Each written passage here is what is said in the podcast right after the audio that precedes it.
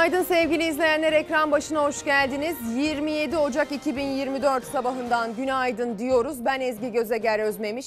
İşaret dili tercümanımız Meltem Küçük'le birlikte son gelişmeleri, en güncel bilgileri Türkiye'nin konuştuğu gündem maddelerini ekrana taşıyacağız. Bir son dakika bilgisiyle başlamak zorundayız. İzmir'de bir deprem meydana geldi. Kuşadası Körfezi'nde olduğu açıklandı. 5,1 büyüklüğünde bir deprem. Şu an naklen aktarılan görüntüler geliyor ekranlarınıza. Depremin merkez üssü Menderes ilçesi olarak bildirildi sevgili izleyenler. 5,1 büyüklüğündeki depremin taze taze yaşandığı için bilgiler yeni yeni güncelleniyor. Gelen bilgileri size aktarmayı sürdüreceğiz ilerleyen dakikalarda. Ama deprem gerçeği yine kendini bu kez yurdun batısından hatırlattı. Sabahın erken saatlerinde bir hafta sonuna başlarken İzmir, Ege maalesef 5,1 büyüklüğündeki depremle sarsıldı. Depremin büyüklüğü 5,1 ama derinliğiyle ilgili bilgi gelince, vatandaşlardan geri dönüşler gelince bölgede ne ölçüde bir sarsıntı yarattı, nasıl bir e, şiddet ortaya koydu bu bilgiler de netleşecek. Gördüğümüz kadarıyla şu anda naklen aktarılan görüntülerde hayat olağan akışında devam ediyor gibi görünüyor İzmir'de ama 5,1 büyüklüğünde bir deprem tabii ki korkutuyor. İki gün önce biliyorsunuz Malatya'da 5,2 büyüklüğündeki deprem gerçekleşmişti. Saatler 16.04'ü gösterdiğinde deprem gerçeği bize diyor ki artık sarsılın ve kendinize gelin ve artık depreme hazırlanın diyor. İlerleyen dakikalarda Profesör Doktor Övgün Ahmet Ercan'ın konuyla ilgili bir açıklamasına değineceğiz. Çünkü 24 Ocak tarihi Erzincan depreminin yıl dönümüydü adresine gitti. Yıl dönümünde depremle ilgili fikirlerini, gerçekleri aktardı ve dedi ki ekonominin iyi olması lazım bir ülkenin depreme hazırlıklı olabilmesi için. Asgari ücretin 45 bin lira olması gerekiyordu Erzincan'da, Erzincan'da yaşanan o depremde e, insanların kendilerini koruyabilmeleri için. Bugünse bir asgari ücret 65 bin lira olacak ki vatandaş çoluğuna çocuğuna para ayıracak. Sonrasında evim güvenli mi değil mi bununla ilgili ne yapabilirim ona bakmaya fırsatı olacak dedi. Bunun ülkenin ekonomisiyle, üretimiyle ilgili bir durum da olduğunu söyledi. Depremden bahsedeceğimiz bir yayın olacak. Az evvel de söylediğim gibi ilerleyen dakikalarda İzmir'den yeni bilgi geldikçe, bilgi güncellendikçe sizi bilgilendirmeye devam edeceğiz. Geçmiş olsun İzmir. Geçmiş olsun Ege diyelim. Hadi gazeteleri isteyelim. Bugün gazetelerde de e, kentsel dönüşüm, deprem hazırlığı ilk sayfalarda var. Yerel seçime giden yolda pek çok adayın aslında e, vaatleri arasında kentsel dönüşüm var. İstanbul'daki yarış özellikle kentsel dönüşüm vaatleriyle özellikle büyük ölçüde gerçekleştiriliyor. Bakın Yeni Çağ Gazetesi'nde bugün bir detay, yine depremle ilgili bir detay. Hemen aktaralım. İstanbul için korkunç deprem senaryosu 100 bin bina yıkılacak. Bu afetin altından kalkamayız. İTÜ Deprem Mühendisliği ve Afet Yönetimi Enstitüsü Müdürü Profesör Doktor Miktat Kadıoğlu, kendisi aynı zamanda benim üniversiteden hocamdır. İstanbul depremine ilişkin açıklamalarda bulundu. Kadıoğlu, İstanbul'da 100 bin binanın yıkılacağını biliyoruz. Her bina başına 100 kişi koysak 10 milyon e, arama kurtarmacı lazım. Böyle bir şey yok ölmeye planlanmış gibiyiz. Bir an önce bu 100 bin binayı 100 binaya indirmemiz lazım. Eğer bu riski önceden azaltmazsak bu afetin altından kalkamayız, afeti yönetemeyiz, mümkün değil dedi. Kadıoğlu şunları söyledi. Herkes sağlam evde oturmak istiyor ama para vermek istemiyor. Herkes evim sağlam olsun diyor ama metrekaresi küçülmesin istiyor. Böyle bir şey yok. O yüzden benim tavsiyem şu. Cumhurbaşkanı Recep Tayyip Erdoğan İstanbul'a gelip belediye başkanları, valilik, STK'lar, ticaret odası, sanayi odası hepsini toplayıp acil olmayan bütün yatırımları durdurup bu 100 bin binayı deprem olmadan nasıl güçlendirebiliriz diye düşünmeli. İstanbul'un obez bir şehir haline geldiğini söyleyen Profesör Doktor Kadıoğlu, İstanbul'un yolları, toprakları ve havası bu trafiğe ve insana yetmiyor. İstanbul'un suyu yetmiyor. Artık çöküntüye giden bir şehir. İstanbul'da bugün de 2-3 yere gidemezsin. Bir günde 2-3 yere gidemezsin. En fazla bir yere gidebilirsin. İstanbul'u büyüterek yaşanmaz bir hale getirdik. İstanbul'un sınırları ve karakterlerinin belli olması lazım. Kaç milyon kişiyi besler? Herkesin buraya mı gelmesi lazım ifadelerini kullandı. Bakın İstanbul'da sadece bir gün içerisinde birkaç farklı adresteki işinizi halletmek dahi mümkün değil. Obez bir şehirden kasıt bu. Küçük yerde yaşayanlar bilir. Eskiden küçük yerde yaşamış olanlar hatırlar. Yazın küçük yerlere gidenler, tatilini küçük yerde geçirenler tecrübe etmiştir. Mesela siz eğer bir devlet memuru olabilirsiniz, özel sektör çalışanı olabilirsiniz, işçi olabilirsiniz. Küçük bir ilçede yaşıyorsanız, küçük bir şehirde yaşıyorsanız iş çıkışında işte çarşıya, pazara uğramaya, bir arkadaşınıza geçmiş olsun ziyareti yapmaya, sonra eve gelip yemek hazırlayıp akşamı planlamaya vaktiniz vardır iş çıkış saatinden sonra. Ama İstanbul'da yolda geçirdiğimiz zaman, trafiğin bizden çaldığı zaman dikkate alındığında sadece yaşamak bile İstanbul'da bu kadar zorken bir de afeti yaşamak bizi yaşatmaz. O yaşamak olmaz, yaşayamamak olur. Ölmek olur sevgili izleyenler. Bu şehir bizi öldürür. İzmir depremiyle ilgili depremin merkez üssünün Kuşadası Körfezi olduğu bilgisi açıklandı. 5,1 büyüklüğündeki deprem Ege'den haberi geldi bu sarsıntının haberi. Sabahın erken saatlerinde herkes evlerinde mışıl mışıl uyurken gerçekleşti deprem. Ee, Allah korusun daha büyük olabilirdi. Herkes evinde yatağındayken Allah korusun. Hasara yol açabilirdi, canımıza kastedebilirdi. Şu ana kadar gelen bilgiler arasında böyle bir durum yok sevgili izleyenler. Bugün itibariyle biz bu son dakika bilgisinden önce girişi planlarken aslında sizlere geçtiğimiz hafta içerisinde mecliste nelerin reddedildiğini saymak niyetindeydik. Böyle başlamak niyetindeydik. Geçtiğimiz hafta içerisinde Cumhur İttifakı tarafından pek çok önerge reddedildi. Muhalefetin çeşitli partilere çeşitli önerilerde bulundular. Hangi partinin hangi öneride bulunduğunu söylemenin bir manası olduğunu düşünmüyorum. Hangilerinin reddedildiğine odaklanmak niyetindeyiz. Emekli maaşı önergesi AK Parti ve MHP oylarıyla reddedildi. Haberlere getirilen erişim engeli araştırılsın önergesi yine Cumhur İttifakı tarafından reddedildi. En önemlilerinden bir tanesi, en can yakıcı olanlarından bir tanesi de bu. Depremde kaybolan çocuklar araştırılsın önergesi neden reddedilir? Bunun bir mantıklı açıklaması var mıdır? Vicdanen bir açıklaması var mıdır? Bu önergeyi reddedenlerin bununla ilgili planı nedir? Bunu reddettik ama şunu yapacağız demediler. Depremde kaybolan evlatlar araştırılsın önergesi reddedildi. Burada akan sular dursun. Yolsuzluk soruşturması önergesi AK Parti ve MHP oylarıyla reddedildi. MESEM'lerin denetlenmesi önergesi. Biliyorsunuz MESEM'ler maalesef son dönemde işçi çocukların ölmesiyle gündeme geldi yeniden. Çok yakın zamanda yaklaşık 2 hafta önce 14 yaşındaki Arda'yı 16 dakika boyunca sıkıştığı pres makinesinde kaybettik. 6 gün boyunca hayat mücadelesi verdi. Maalesef ellerimizden kayıp gitti. Ama MESEM'lerin denetlenmesi önergesi AK Parti ve MHP oylarıyla reddedildi. İstanbul depremine hazırlık önergesi de bakın sıcağı sıcağına bir depremden bahsediyoruz. İstanbul depremine hazırlık önergesi de yine Cumhur İttifakı oylarıyla reddedildi. Yani yine reddedildik. Bunlar sadece başlıcaları geçen haftadan. Bu zamana kadar pek çok önergenin reddedildiğini yine bu ekrandan bizlerden duyma şansınız oldu. Maalesef keşke olmasaydı. O yüzden bu sabah başlığımızı reddedildik olarak attık efendim. Siz de reddedildiklerinizi, reddedilmiş hissettiklerinizi, keşke reddedilmeseydik dediklerinizi reddedildik başlığı altında bize gönderebilirsiniz diyelim. Havadan bahsetmemiz lazım. Hava soğuyor, kar ihtimali artıyor. İstanbul için dahi kar ihtimalinden söz ediliyor. Hadi gelin bir havanın durumuna bakalım. Doğu Anadolu kar esareti altında meteoroloji 31 il için sarı ve turuncu kodlu uyarı verdi. Akom'da İstanbulluları uyardı. Hafta sonu kar ihtimali var. Yurdun doğusu ve güneydoğusunda beklenenden geç geldi kar. Geldiği gibi de yolları kapadı. Sıcaklığın eksi 17 dereceye düştüğü Kars'ta her yer dondu. Şanlıurfa Siverek'te aşırı yağış can aldı. 2 metrelik bahçe duvarı yoldan geçen iki kardeşin üzerine yıkıldı. 7 yaşındaki Nurullah Saray hayatını kaybetti. Kardeşi 4 yaşındaki Tuana ise yaralandı.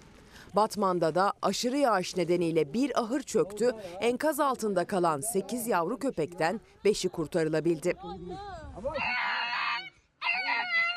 Konya'da Suriye uyruklu bir aile sobadan sızan gazdan zehirlendi. 7 yaşındaki Fatma Zehra Acuz hayata tutunamadı.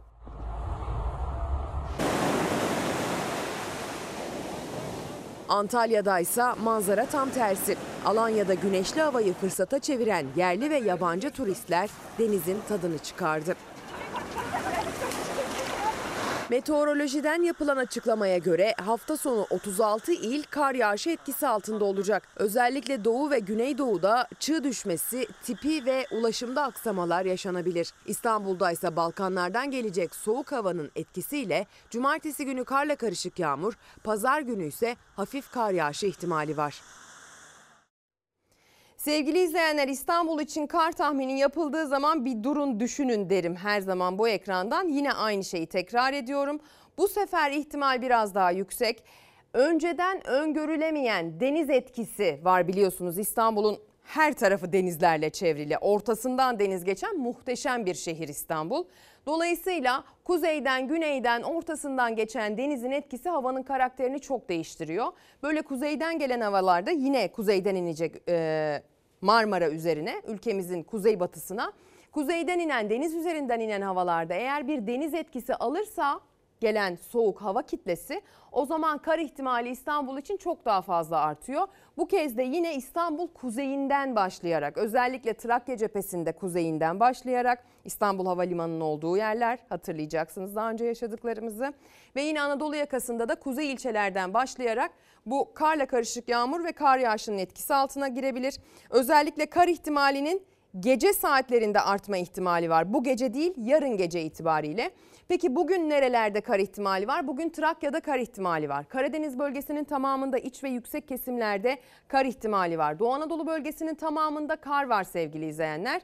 Doğu Karadeniz'in iç kesimleriyle Doğu Anadolu bölgesinin kuzeyinde kuvvetli kar var. Hemen onu görelim. Bakın şu bölgede Doğu Karadeniz'in iç kesimleri ve Doğu Anadolu bölgesinin en kuzey illerinde bugün kuvvetli kar yağışına lütfen dikkat edilsin. Doğu'nun tamamı kar yağışlı. Doğudan Doğu Anadolu'dan Güneydoğu Anadolu bölgesine geçişte yüksekler kar, merkezler karla karışık yağmur alacak. Güneydoğu Anadolu bölgesinde kapalı ve hafif yağışlı bir hava var. İç Anadolu bölgesinin doğusu Ankara, Eskişehir, Batı ve Orta Karadeniz'in iç kesimleri kar yağışlı özellikle yükseklerde. Trakya'da karla karışık yağmur ve kar var. İstanbul'da yağmur var. Ancak gece saatlerinde işin rengi değişebilir. Sıcaklıklar düşüyor. Rüzgar kuzeyden esiyor. Dolayısıyla 3 derecelik sıcaklık düşüşü İstanbul'u karla karışık yağmur sınırına taşıyor. Yağmuru karla karışık yağmura çevirecek kadar soğutuyor yani havayı. Gece saatlerinde bir 5 derece daha düştüğünü düşünürseniz misal veriyorum. Bu kar sınırı anlamına geliyor. Isı adası etkisinden kurtulduğu anda yağışlar kara döner. Bu da her yere kar yağacak anlamına gelmez ama kar yağabilir anlamına gelir. Kuzeyden esen fırtına şeklindeki rüzgar yurdun pek çok noktasında hem sizin hissettiğiniz havayı yani havanın hissedilen sıcaklığını düşürecek 5 derece ölçülüyorsa 0 derece hissettirecek mesela. Hem de uçma kopma devrilme gibi riskleri beraberinde getirecek. Lütfen dikkat edilsin. Sadece e, ne giydiğimizle ilgili dışarıda vakit geçirmeyle ilgili değil trafikte de lütfen çok dikkat. Kar haberlerinin yanı sıra kaza haberleri de hemen gelmeye başladı. Öyle kazalar gerçekleşiyor ki sevgili izleyenler insan yola çıkmaya korkar hale geliyor.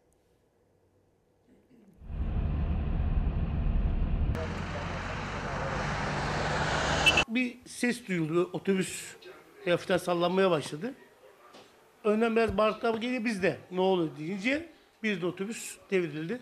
Otobüsün yattığı yerde bir ağaç var zaten. Ağaç olmasa şu an bizler de yaşamıyorduk. Kar yağışı nedeniyle kayganlaşan yolda kontrolden çıktı. Yolcu otobüsü tarlaya uçtu. Kastamonu'daki kazada 6 kişi can verdi, 33 kişi yaralandı. Şiddetli kar yağışı Sivas ve Erzincan'da da kazalara neden oldu. Bunlar cenazeye mi gidiyor? Sivas'ta cenazeden dönenleri taşıyan yolcu otobüsü kar yağışı nedeniyle kayganlaşan yolda şarampole yuvarlandı. 40 yolcunun bulunduğu otobüste 14 kişi yaralandı. Erzincan-Sivas karayolunda görevden dönen askerlerin bulunduğu midibüs hafif ticari araçla çarpıştı. 6'sı asker 9 kişi yaralandı, bir kişi hayatını kaybetti. Erzurum-Erzincan karayolunda da 3 aracın karıştığı kazada 2 kişi yaralandı. Hakkari'de kayan araçtan kaçarken düşen bir kişi o aracın altında kalmaktan son anda kurtuldu. Karabük'te araç kurtarmaya giden çekici 7 metrelik şarampole uçtu. Batman'da şiddetli kar yağışı nedeniyle 70'ten fazla köy yolu ulaşıma kapandı. Yüksek kesimlerde kar kalınlığı 1 metreyi aştı. Tatvan'da ise yer yer 3 metreye kadar ulaştı kar kalınlığı. Kaç metre var burası abi? 3 metre var. Hava çok güzel. Hakkari karla güzel. Karı özlemiştik. Şanlıurfa'da Siverek Çermik yolu ulaşıma kapandı. Bingöl Erzurum karayolu tır trafiğine kapatıldı. Siirt Çırnak karayolu ise araç trafiğine. Bolu Dağı'nda da yoğun kar yağışı nedeniyle görüş mesafesi 40 metreye düştü. D100 karayolunun Bolu Dağı geçişi Ankara istikameti ağır taşıt trafiğine kapatıldı.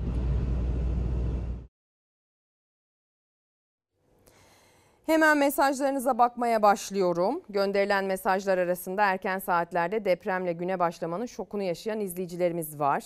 Ankara'dan selamını gönderen, iyi bir hafta sonu dileyen Aysel Hanım'a çok çok teşekkürler.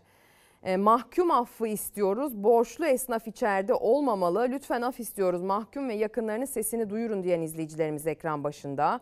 Günaydın hepimize geçmiş olsun. Bana gelen erken uyarıya göre derinlik 54 kilometre, şiddet de 4,9 ancak son sonra 5 olarak açıklandı diyor. Can Kaynar da bize depremden bilgi veren bir mesaj göndermiş.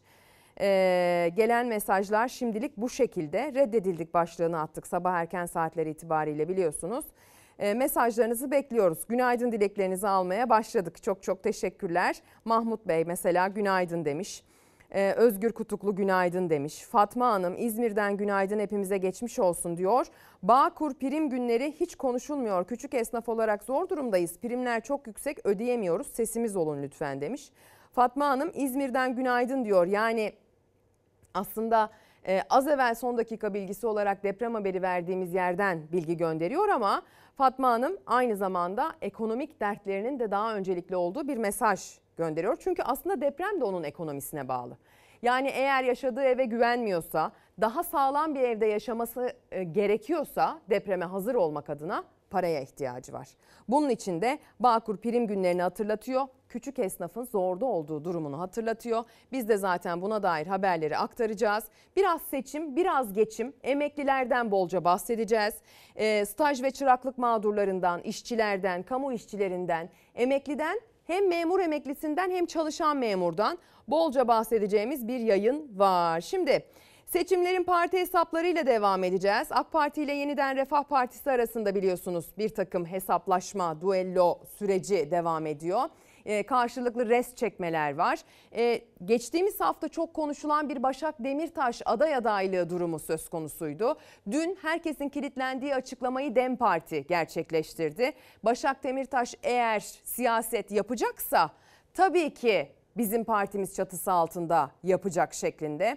Başak Demirtaş'ın aday olmasını tavşan aday olarak değerlendiren pek çok gazeteci, yorumcu geçtiğimiz haftalarda köşeleri televizyon kanallarını doldurdu sevgili izleyenler. Neden Ekrem İmamoğlu'nun karşısına böyle bir aday çıkarıldığı, arkasında bir pazarlık olup olamayacağına kadar mesele tartışıldı. Hadi gelin seçimin hesaplarına bakalım. Vatandaşın hesabı başka, siyasetçinin başka.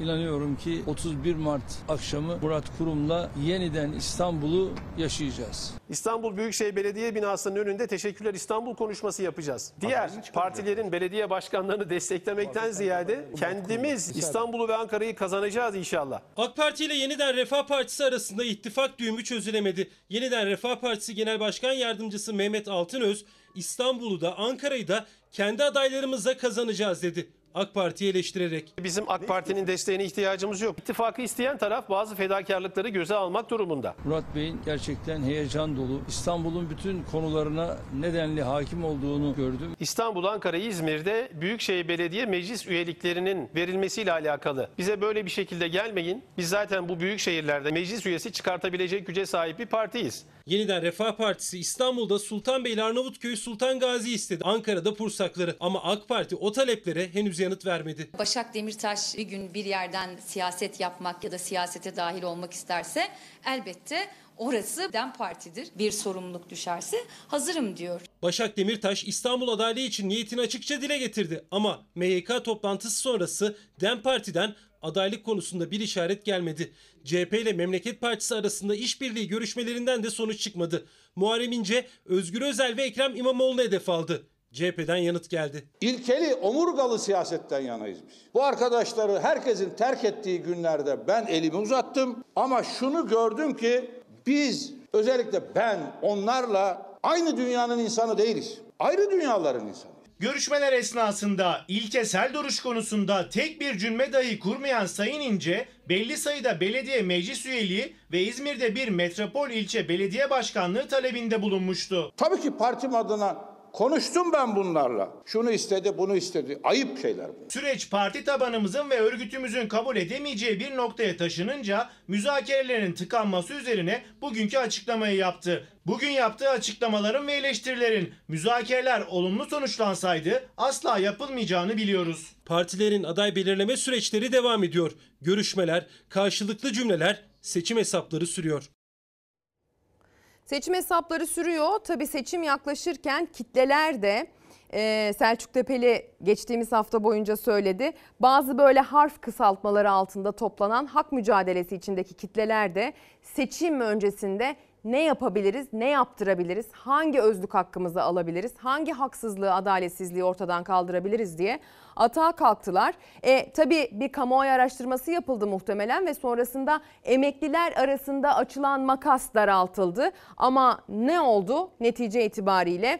Yoksullukta eşitlendi herkes ve insanlar birbirlerine düşer hale geldiler. Memura o veriliyorsa işte işçiye neden bu verilmiyor? İşte şu emekliye veriliyorsa bu emekliye niye verilmiyor diye sanki mesele bu toplulukların arasındaymış gibi bir duruma dönüştü.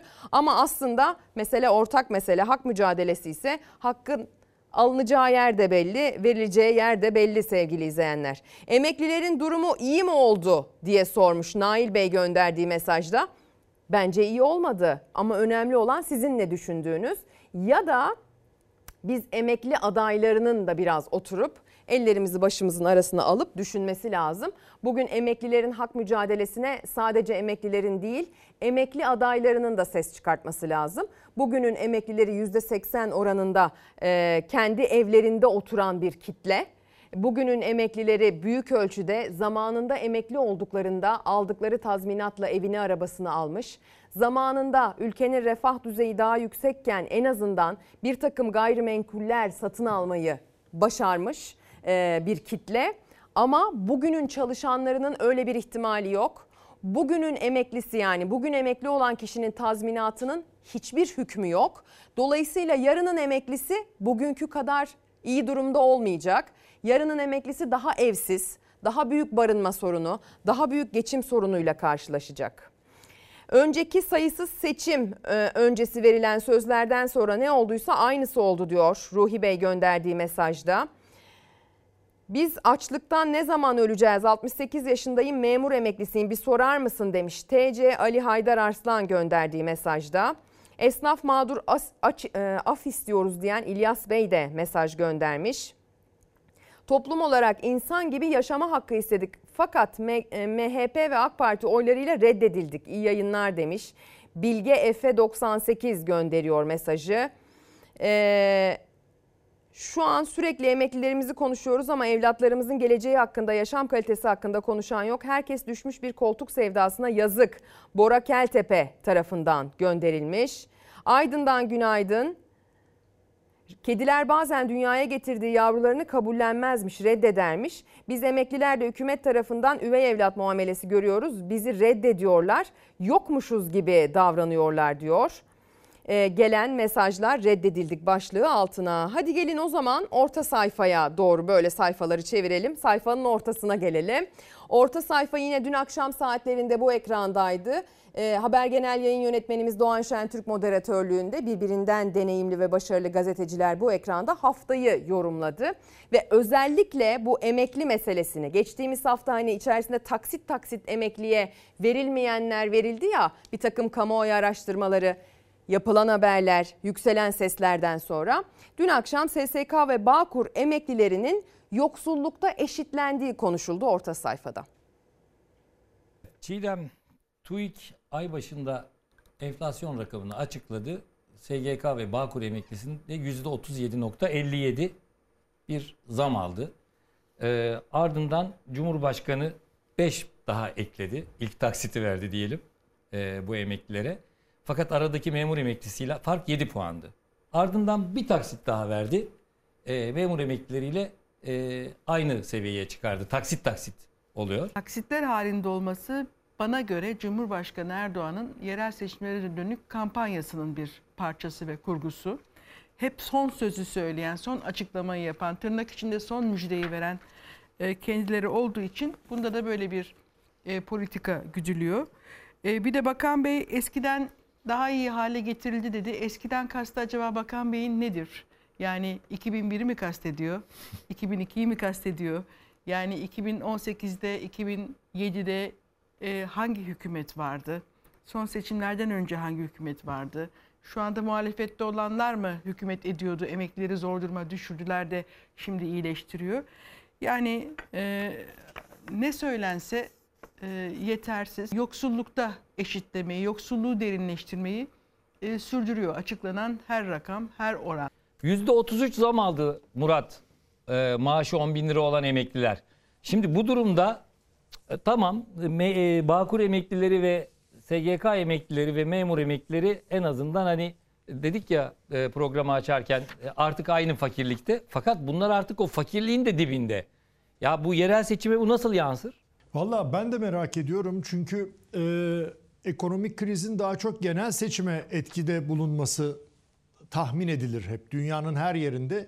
E, 2023 genel seçimlerine e, o olmadı. Aslında Türkiye'de gerçek seçimler yerel seçimler oluyor. Çünkü hani genel seçimlerde insanlar partiye oy veriyor. Yerel seçimde partinin temsilcilerine oy veriyorlar. Çok daha birebir ilişkiler içinde oluyor. Ama bu eşitsizlik tablosu var ya hani senin vurguladığın, Çiğdem'in vurguladığı ben biraz ona değinmek istiyorum. Türkiye'de Doğan servetin %81'i, 5'te 4'ü, erişkin nüfusun %20'sinin elinde. Bu para politikasının yükünün de aynı şekilde servetten sadece o 81'den geri kalan %19 hadi %20 diyelim onun üstünde olduğu anlamına geliyor. Daha da vahim bir tablo var. En zengin yüzde bir Türkiye'de. Kaç kişi ediyor? Erişkin nüfus 600 bin kişi ediyor. 600 bin kişi servetin yüzde 40'ına sahip. Müthiş bir eşitsizlik e, tablosu e, şey yapıyor. Ülkenin üstüne çökmüş durumda. Emeklilerden bahsetmeye devam edeceğiz. İzmir'den ve çevre illerden mesajlar geliyor. Ee, Serkan Bey demiş ki güzel sallandık Allah beterinden korusun demiş. Merzifon'dan İzmir'e Duygu Hanım geçmiş olsun dileklerini iletmiş. Bora Bey İzmir'de her şey şu an stabil bir olumsuzluk yok bilgisi aktarıyor. Aydın merkezden deprem hissedilmiş Özlem Can gönderiyor mesajı yine sosyal medya üzerinden. Ee, İzmir'de 5,1 büyüklüğünde bir deprem gerçekleşti. Yayın açılışında son dakika bilgisini verdik. Ekran başına yeni geçenler için e, tekrar ediyorum. Kuşadası Körfezi açıklarında merkez üssü olduğu açıklandı. E, geçmiş olsun diyelim. Bakın mesajlarınız geliyor. Ee, İzmir'den günaydın tüm İzmir'e geçmiş olsun diyen Bergüzar Hanım ekran başında. Geçmiş olsun İzmir mesajları geliyor.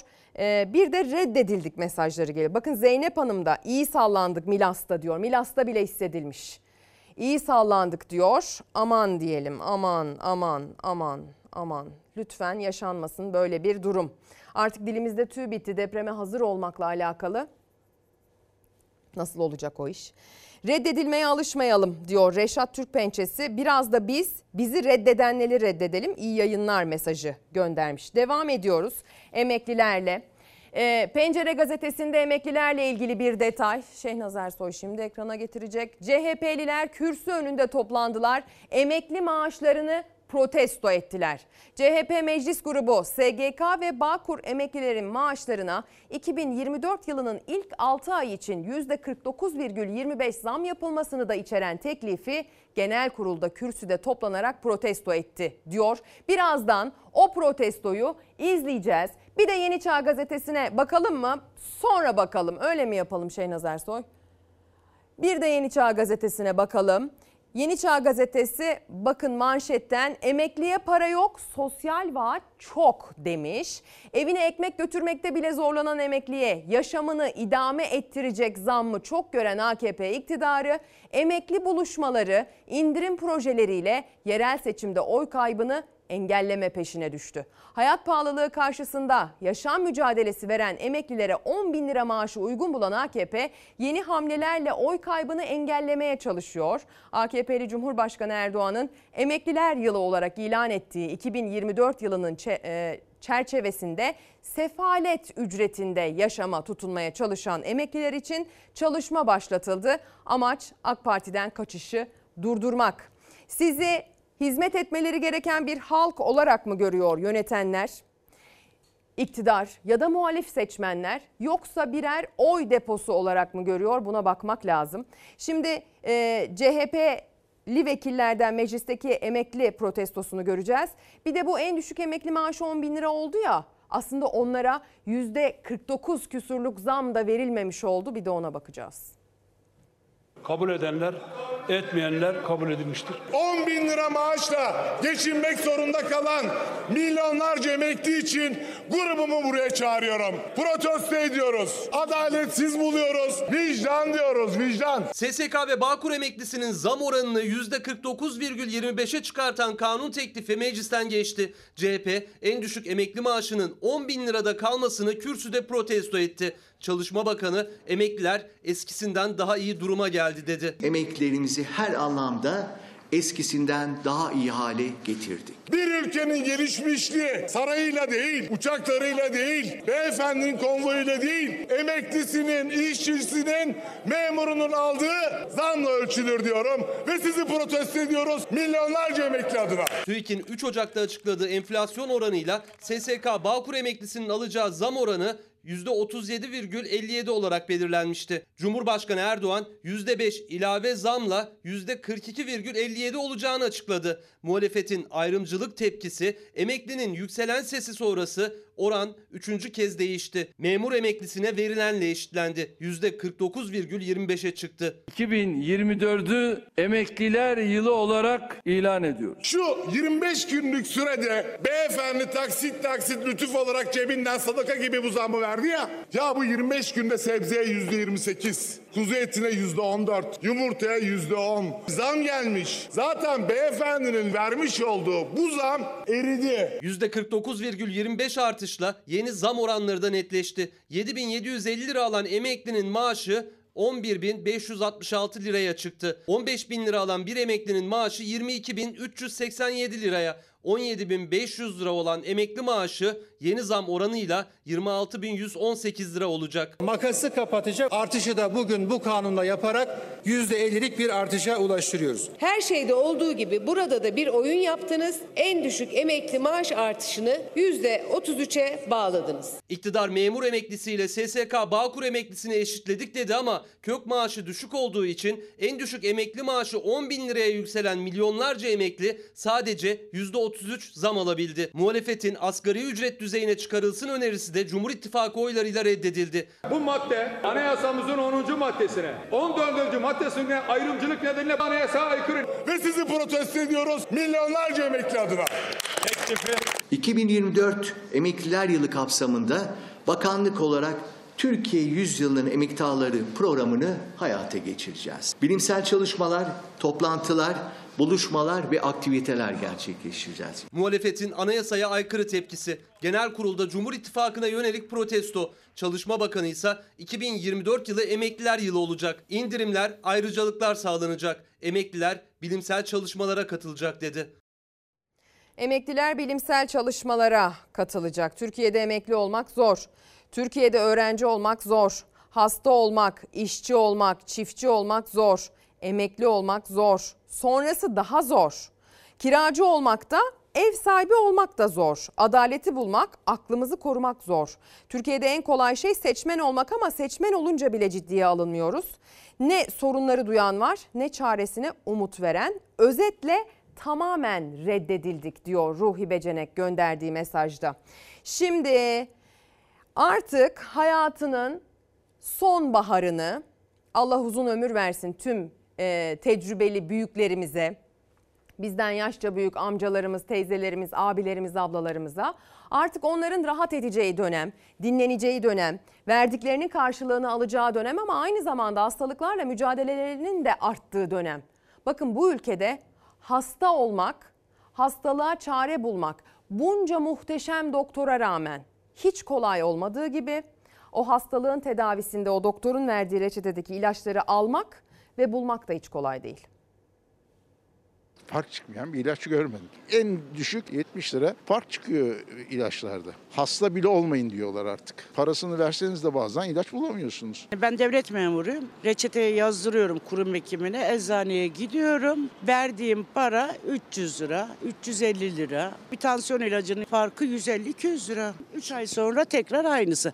Eğer başka hastalığın çıkmazsa ama. Çocuklarım için aldığım zaman bulamıyorum. Bulduğunuzda ne kadar fark ödüyorsunuz? 100 liradan aşağı hiçbir şey almadım. Hastalığa karşı verdikleri mücadelede tedavileri için gerekli ilaca erişimde de aynı zorluk yaşayan hastaların bir diğer kabusu yüksek fiyat farkları. Çocuk şurubundan antibiyotiklere, tansiyon ilacından kalp ilaçlarına kadar her 100 ilaçtan 38'inin fiyat farkını ödüyor hastalar. Türk Eczacıları Birliği katılım payı hariç hastaların 2024 yılında yaklaşık 18 milyar lira fiyat farkı ödeyeceğini hesapladı. Bir alerji ilacı aldım. 70 liraya aldığım bir ilaç şu anda yaklaşık 92 liraya e, çıkmış vaziyette. Az evvel de bir ilaç aldınız. Adele ile alakalı şu an ödediğim rakamla 88 lira olacakmış. Örneğin çocuklarda ateş düşürücü olarak çok yaygın bir şekilde kullanılan bu şurup için 74 lira fiyat farkı çıkıyor. Şeker ölçüm çubukları ve insülin iğne uçlarında da durum farklı değil. Bu kez 200 liraya aşan farkla karşılaşıyor hastalar. Romatizma hastasıyım. Mecburen ağrı kesicilerim ve bunu hafif geçirmemi sağlayacak ilaçlarımı alıyorum. Kronik bağırsak hastalığı için kullanılan bir ilaç bir kutuda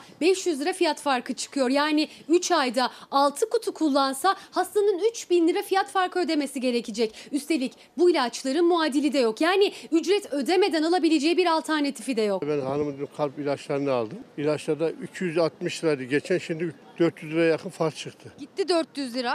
Ne 400'ü? E arada da ben de gidiyorum, hanım da gidiyor. 600-700 lira para gidiyor. Kur farkı nedeniyle kritik ilaçlara erişimde zorluk yaşayan hastalar neredeyse her ilaçta fiyat farkıyla karşılaşıyor. SGK 8827 kalem ilacın bedelini ödüyor ama 3393 tanesinde hastalara fiyat farkı çıkıyor. E-Devlet'ten giriyorum, kesilen ilaca bakıyorum. 400 lira, 500 lira. Bazılarını da ödemiyor. Bundan 15 gün önce Ankara Şehir Hastanesi'ne gittim Bilkent'te. Bir ilaç yazdı 400 lira. 400 lirayı ben kredi kartıyla ödedim. 3 ya da 4 kalem ilaç aldığınız zaman 120 lira bir fark alıyorlar.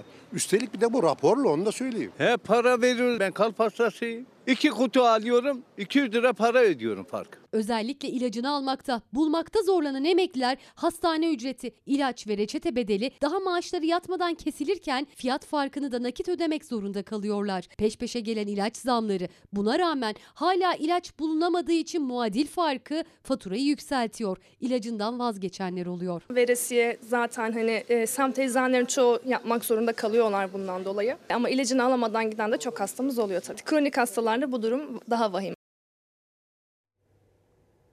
Maalesef bu durum sağlıkta sevgili izleyenler. Doktorlarımız maalesef çok başarılılar. Dünyanın parmakla gösterdiği bir e, sağlık ordusuna sahibiz. Her bir e, kademesiyle birlikte sağlıkçılarımız gerçekten pandemi zamanı dünyaya rüştünü kanıtladı. E, dünyanın gördüğü bir performans sergiledi. E, doktorlarımızın başarısı zaten ülkemizde hiçbir sektör ileri gitmezken sağlık turizmi sektörünün ileri gitmesiyle bile ölçülebilir. E, muhteşem doktorlarımız var. Ama gelin görün ki sistemsizlik ve iç, ülkenin içinde bulunduğu ekonomik durumun bugün bu şekilde olması bize sağlığa erişim konusunda çok büyük engeller yaratıyor. Hastalara şifa dileyelim. Hastanelerden bizi izleyen varsa onlara selam sevgi gönderelim. Acil şifalar, kolaylıklar dileyelim. Bir an önce şifanızı bulun inşallah diye duamızı iletelim bu vesileyle. Şimdi biraz sanattan, biraz sosyal sorumluluktan bahsedeceğiz. Ekranlara süperstar Ajda Pekkan gelecek. Sanatta Engel Yok Vakfı'na destek veren süperstara plaket verildi. Ajdacığım hani dedim ya çocukların kalbine girdin. Onların bir şifran mesajı var. Birlikte yazdık bunu. İstersen okuyalım. Tamam, tamam. Sonra Ee, ben okuyayım mı? Evet, size yazdılar. Tamam. Onların adına. Ee, Ben- sen de dursun fikri. Engelli bireylerin hak ve özgürlüklerini koruyarak yaşam kalitesini arttırmak ve toplumda farkındalık oluşturmak adına sergilediğiniz üstün çaba bizlere de ilham kaynağı oldu. Sadece mücadele ettiğiniz değil, aynı zamanda bu mücadelede yanımızda olduğunuz için en derin şükranlarımızı sunarız demişsiniz. Yardım projelerine verdiği destek ve yardımsever kişiliğiyle biliniyor süperstar Ajda Pekkan. Bir kez daha Sanatta Engel Yok Vakfı'na verdiği desteklerinden dolayı yılın ilk plaketini evinde teslim aldı. Benim de iki kelimem var. Zarif plaketiniz için öncelikle çok teşekkür ediyorum. Engelli bireylerin yaşamlarına dokunmak, farkındalık yaratmak, onlara daha çoğunluğa seslenebilmek için e, var varız ve var olacağız. Ajda Pekkan Sanatta Engel Yok Vakfı'nın yöneticilerini evinde ağırladı. Sanat e, hayatı güzelleştiren, insanları bir araya getiren ve e, bir bağ kurduran, derinden bağları kurduran bir şey, Misyon. araç. Birbirimizle böyle destek olarak ilerleyeceğiz işte. Yani sevgili İnşallah. Semra'nın çok güzel resim yaptığını e, biliyorum. Sanatta Engel Yok Vakfı Başkanı Yasemin Zambak, Başkan Yardımcıları Sevgi Ataman, Gülseren Zambak ve sanatçı Semra Çelik bugüne kadar vakfa göstermiş olduğu desteklerinden dolayı Süperstar'a teşekkür plaketi takdim etti. Dün Dünya Gümrük Günü'ydü sevgili izleyenler. İstanbul Gümrük Müşavirleri Derneği Başkanı Serdar Keskin meslektaşlarının gününü kutladı ve taleplerini dile getirdi. 26 Ocak Dünya Gümrük Günü bütün gümrük personeline ve sevgili meslektaşlarıma hayırlı olsun. 26 Ocak Dünya Gümrük Günü. Toplumda gümrüklerin işleyişine ilişkin farkındalık oluşturmak ve gümrüklerin uluslararası yol haritasını belirlemek üzere Dünya Gümrük Örgütü tarafından her yıl farklı içerikler belirleniyor. Bu senenin teması geleneksel ve yeni ortaklarla işbirliğinde gümrükler. Türk Gümrük Müşavirleri Macar meslektaşlarıyla bir araya geldi. İlişkilerimiz gayet iyi düzeyde. Bu arada Sofya'daki mevkidaşlarımızla da görüştük. İstanbul'da derneğimize Rus ve Azerbaycan mevkidaşlarımız geldiler. Yurt dışına giden iş insanları, sanayiciler, ihracatçılar fuarlara katılım gösterirken, yeni ürün siparişleri yaparken yanlarında bir gümrük müşaviri de bulundurmak istiyor. Ancak gümrük müşavirleri vize engeline takılıyor. Yeşil pasaport talebimiz var. İçişleri Bakanlığı'nda. İnşallah bu dönemde çıkartacağımıza inanıyorum. Türkiye 26 Ocak 1953'te Brüksel'de gerçekleşen Gümrük İşbirliği Konseyi'nde kurucu sözleşmeyi onaylayan ilk ülke. İstanbul Gümrük Müşavirleri Derneği de meslek için titiz çalışmalar yürütüyor. Talepleri o da olmak. Biz 115 yıllık bir mesleğiz. Gümrük müşavirlik mesleği. Ee, o da olmamız gerekiyor. Bir STK başkanının biraz e, karşı çıkması var. Oda da olabiliriz, birlik de olabiliriz. Avukatlar gibi meslek kanunu da olabiliriz. Bunu da Ticaret Bakanımız Sayın Profesör Doktor Ömer Bolat'la aşacağımıza inanıyorum. Şimdi kısa bir reklam arası vereceğiz. Sonrasında burada buluşalım. Çaylar kahveler tazelensin. Daha anlatacak çok haber var. Günaydın tekrar hoş geldiniz sevgili izleyenler. Kaldığımız yerden Çalar Saat hafta sonuna devam ediyoruz. Ee, ilk saatlerde saat 8.30'da Çalar Saat hafta sonuna ilk başladığımız dakikalarda İzmir'deki depremden bahsetmiştik. 5,1 büyüklüğünde bir deprem gerçekleşti İzmir'de. Sabah saat 8.19'da gerçekleşti bu deprem. E, haritamızda da görüyorsunuz Ege'de bir sarsıntı. Kuşadası Körfezi'nde olduğu söyleniyor depremin merkez üssünün. İzmir'e, Ege'ye bir kez daha geçmiş olsun dileklerimizi iletelim. Valilikten bir açıklama yapıldı. Yapılan açıklamaya göre herhangi bir hasar durumu, bir olumsuzluk yok İzmir'de dendi. 5,1 büyüklüğündeki deprem Gönderdiğiniz mesajlara bakılırsa Milas'tan, Nazilli'den hissedildi maalesef. Manisa'dan hissedildi maalesef sevgili izleyenler. Öyle anlaşılıyor ki saat 8.19'da insanlar yeni yeni uyanmaya başlamışken, pek çok İzmirli daha belki yatağındayken bir deprem gerçekleşti. Geçmiş olsun diyoruz. Ee, bugün reddedildik başlığını attık. Sadece geçtiğimiz haftanın reddedilenlerine baktık içimiz yandı. O yüzden reddedilmişlik duygusuyla başladık yayına. Siz de reddedildik dediğiniz mesajlar gönderdiniz.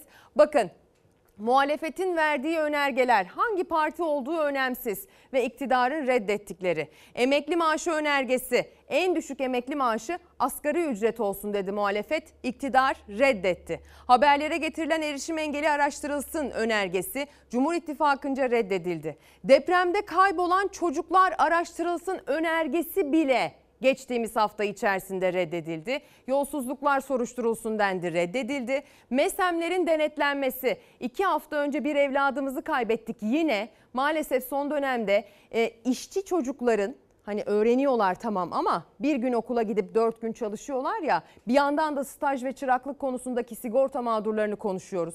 Onların da ayın dördünde bir eylemi var. Birazdan haberlerini de aktaracağız.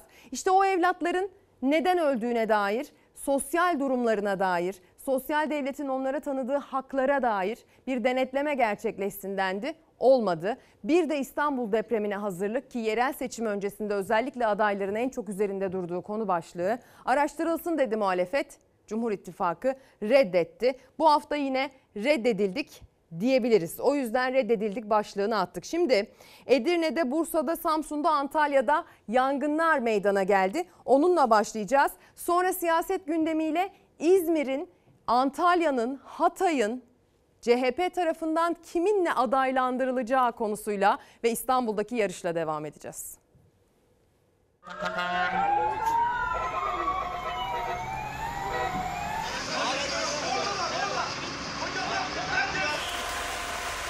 Hamileydi. Karnındaki doğmamış bebeğiyle yoğun dumanın kapladığı evinde mahsur kaldı. Yangınlarda can pazarı yaşandı. Yurdun birçok noktasından alevler yükseldi. Bina sakinleri ölümden döndü. Sobalıydı. Ötekiler doğalgazı. Buradaki sobalıydı. Sobalı herhalde bir şey unuttular sobada. Edirne'de 5 katlı bir apartmanın giriş katında çıktı yangın.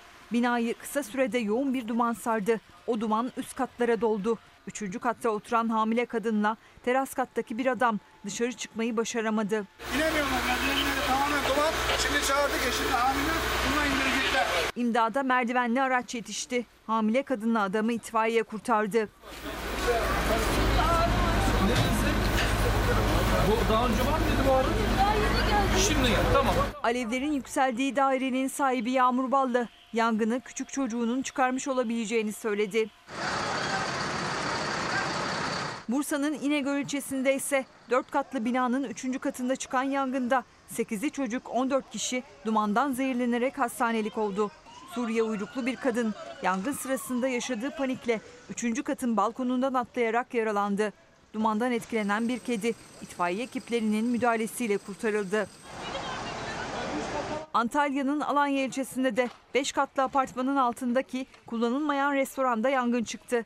Bina sakinleri kendilerini can havliyle dışarı attı. Yangın çevre binalara sıçramadan söndürüldü. Yangını restoranı mesken tutan uyuşturucu madde bağımlılarının yaktığı ateşin çıkardığı öne sürüldü. Abi biz okudaydık. Bir baktık bir şeyler patlamaya çalışıyor. Bir balkonda bir baktım aşağıda yangın. Dün akşam geldim buraya. Oğlum çık lan. Benim üstüme yürüyorlar. Abi üst katta insanlar da var ama. Samsun'un Çarşamba ilçesinde ise 3 katlı binanın zemin katından alevler yükseldi. Sobadan çıktığı tahmin edilen yangında üst katlarda oturan 4 kişi merdiven yardımıyla kurtarıldı. Dumandan etkilendikleri için hastaneye kaldırıldılar. Kastamonu'da iki katlı ahşap ev alevlere teslim oldu. Evle birlikte traktör, ambar, garaj, kümes ve ahır da yanarak kullanılamaz hale geldi. Geçmiş olsun diyelim. Yangınlar, yangın haberleri maalesef ülkenin dört bir tarafından peş peşe işte bu şekilde geldi. CHP'de dün gece uzun bir geceydi. Ee, 209 seçim çevresinde adaylar resmileşti sevgili izleyenler. Ne belli oldu dün itibariyle derseniz 8'i büyükşehir 13'ü il olmak üzere 209 belediye başkanının adayı belli oldu. Aralarında Antalya Büyükşehir Belediye Başkanı'nın e, başkan adayının tekrar Muhittin Böcek olacağı bilgisi de var örneğin. E, aralarında İzmir yok örneğin. Biliyorsunuz İzmir tartışmalı. Herkesin heyecanla beklediği bir adres. Hatay Lütfi Savaş'la devam edecek mi etmeyecek mi henüz belli olmuş değil. İçeriden gelen bilgiye bakılacak olursa buna dair açıklamasını pazartesi günü yapacak. Hatta sonrasında 1 Şubat'ta da bir açıklama bekleniyor ee, İzmir'den. Ee, pazartesi günü ilçelerin kalanı açıklanmaya devam edecek. 1 Şubat'ta da büyük şehirler ve yine kalanlar açıklanacak CHP tarafından. Dün öyle bir toplantı gerçekleşti ki CHP Genel Merkezi'nde ziyaretler iptal edildi. Jammer'lar kuruldu ki dışarıya bir şekilde haber gitmesin, sızmasın bilgi şeklinde. Yani cep telefonlarıyla konuşmalarını dahi engelleyecek şekilde bir önlem alındı. Ama 209 belediye başkan adayı belli oldu. Mesela Bodrum Belediye Başkanı Ahmet Aras Muğla için Büyükşehir Belediyesi'ne aday gösterildi. Antalya'da dediğim gibi Muhittin Böcek'le devam kararı aldı. İstanbul'da 14 ilçe için belirlendi. İzmir adayında hala bir netlik yok. Hatay'da hala bir netlik yok. Parti meclisi toplantısında bu e, netliğin gerçekleşmesi bekleniyor. Birazdan buna dair bilgi de aktaracağız. İstanbul içinse biliyorsunuz e, Ataşehir'de bir istifa gerçekleştirilmişti. E, Battal İlgezdi e, Ataşehir Belediye Başkanlığından istifasını duyurmuştu. Oraya da aday olarak e, bilgi Heh, adı güzel. Onursal adı güzelin ismi var şu anda orası içinde. Hadi gelin gazetelerden de bakalım bu yerel seçim trafiğine. Ee, önce Bir Gün Gazetesi'nden açalım. Tartışmalar biliyorsunuz metro üzerinden yürüyor. Bir Gün Gazetesi metroları biz açtık başlığıyla İmamoğlu'nun sözlerini ilk sayfadan aktarmış. İmamoğlu Çekmeköy Sultanbeyli metrosunun test sürüşüne katıldı diyor. Ee, İBB Genel Sekreter Yardımcısı Pelin Alpkökin AKP döneminde yapımı durdurulan metrolar kent için pimi çekilmiş birer bombaydı dedi. İki metro projesine onay vermediğini belirten, verilmediğini belirten Alpkokin, bakanlığın 7 yılda yaptığı metronun parasını İBB'den 10 ayda aldığını dile getirdi diyor İsmail Arı'nın haberi. Bakın kırmızı montuyla e, İBB Başkanı'nın yanında Alp Kökünü de görebilirsiniz. Kendisi e, bu İstanbul'un özellikle raylı sistemlerinin başındaki isim. Yapımı, onarılması, bütçesinin yönetilmesi tamamen e, hem akademisyen hem de bu anlamda rüştünü ispat etmiş isim olan Pelin Alpkök'üne e, emanet yıllardır. Bunun da altını çizmiş olalım. Sözcü gazetesiyle devam edelim. İmamoğlu 7'ye karşı 1 diyor Sözcü gazetesi ilgili haberinde. Tüm partilerin hedefi İstanbul'u kazanmak, mevcut başkan büyük mücadele verecek denmiş. Seçime iki ay kala İstanbul'da rekabet kızışıyor. İBB Başkanı İmamoğlu'nun en iddialı rakibi Erdoğan'ın ve devletin gücünü arkasına alan AKP adayı Murat Kurum. Dem Parti kilit rolde Başak Demirtaş'ı aday gösterirlerse rekabet daha da artacak. Şöyle düşünün eğer Başak Demirtaş aday gösterilirse o zaman e, AK Parti'nin aslında seçmen üzerindeki bir argümanı etkisiz hale gelmiş olacak. O da nedir? İşte HDP ile e, DEM Parti ile HEDEP'le artık adına ne derseniz hepsi aynı anlama çıkıyor biliyorsunuz. Yargıtay reddetti DEM oldu isimleri. Ee, CHP'nin birlikte yol yürüdüğü siyaseten e, AK Parti cephesinin, Cumhur İttifakı cephesinin geçtiğimiz seçimde de bu seçimde de en kuvvetli argümanlarından bir tanesi. Eğer Başak Demirtaş DEM Parti üzerinden ya da bağımsız ki DEM Parti olursa bizden olur dedi. Bir adaylık açıklarsa belki bu argüman ortadan kalkabilir ama aynı zamanda bu CHP'nin karşısına aday çıkarmak ve dolayısıyla e, mevcut başkanın rekabetini zorlaştırmak anlamına da gelecektir. Tartışmalar devam ediyor. Hadi gelin İstanbul yerel seçimine dair o tartışmalara detaylı bakalım. Biz bize fazla oy verene değil İstanbul halkına metro yapıyoruz. E, Buna da devam edeceğiz. Test sürüşüne çıktığı Çekmeköy Sancaktepe Sultanbeyli metrosunda bu mesajı verdi Ekrem İmamoğlu. Gündeminde rakibi Murat Kurum'un açıkladığı projeler vardı. Kes kopyala yapıştır benzetmesi yaptı. Büyük bir kısmının kes kopyala yapıştır gibi e, olması e, ilginç. Bizim 5 yıl önce İstanbulluların gündemine taşıdığımız birçok projelerin bir nevi böyle bir yan sanayi gibi e, şekil değiştirip servis edilmesi de e, ayrı bir e, tespitim. Sefaköy, Avcılar, Beylikdüzü, TÜYAP hattı. Bu bölgedeki araç trafiğini olduğunca azaltacağız. Sefaköy, Beylikdüzü, e, İncirli metro hattını projesinde açıklayan sunum gördük. Ya bir imza atılsa zaten ihaleye çıkacak. Bir kalem bir mürekkep ne para istiyoruz ne kefalet istiyoruz. İstanbullu seçmenle projelerini paylaşan Murat Kurum'un vaatlerinden biri de Sultanbeyli metro hattıydı. Rakibi İmamoğlu aynı hattın Sancaktepe Çekmeköy etabında test sürüşündeydi. 2019 yılında sadece şantiyesi vardı dedi. Mart ayında hizmete gireceğinin müjdesini verdi. Hep diyorlar ya metroyu biz başlattık. Aslında ihaleye almış bir firma ve ihaleye alan firmanın şantiyeye yerleşmesi anlamına geliyor. 2019'un sonunda yani 2020'nin başında buraya start vermiş olduk.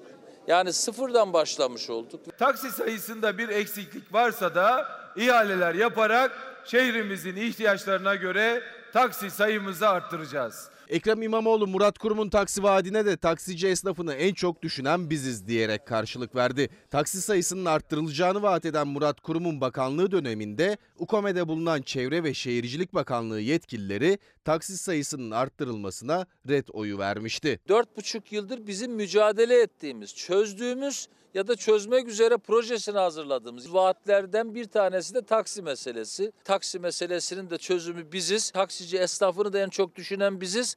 İstanbullunun taksi sorununu da en, en çok düşünen ve gündeme getiren biziz. İstanbul adayları projeler üzerinden karşı karşıya gelirken CHP'den bir istifa haberi geldi. Ataşehir Belediye Başkanı Battal İlgezdi partisinden istifa ettiğini duyurdu.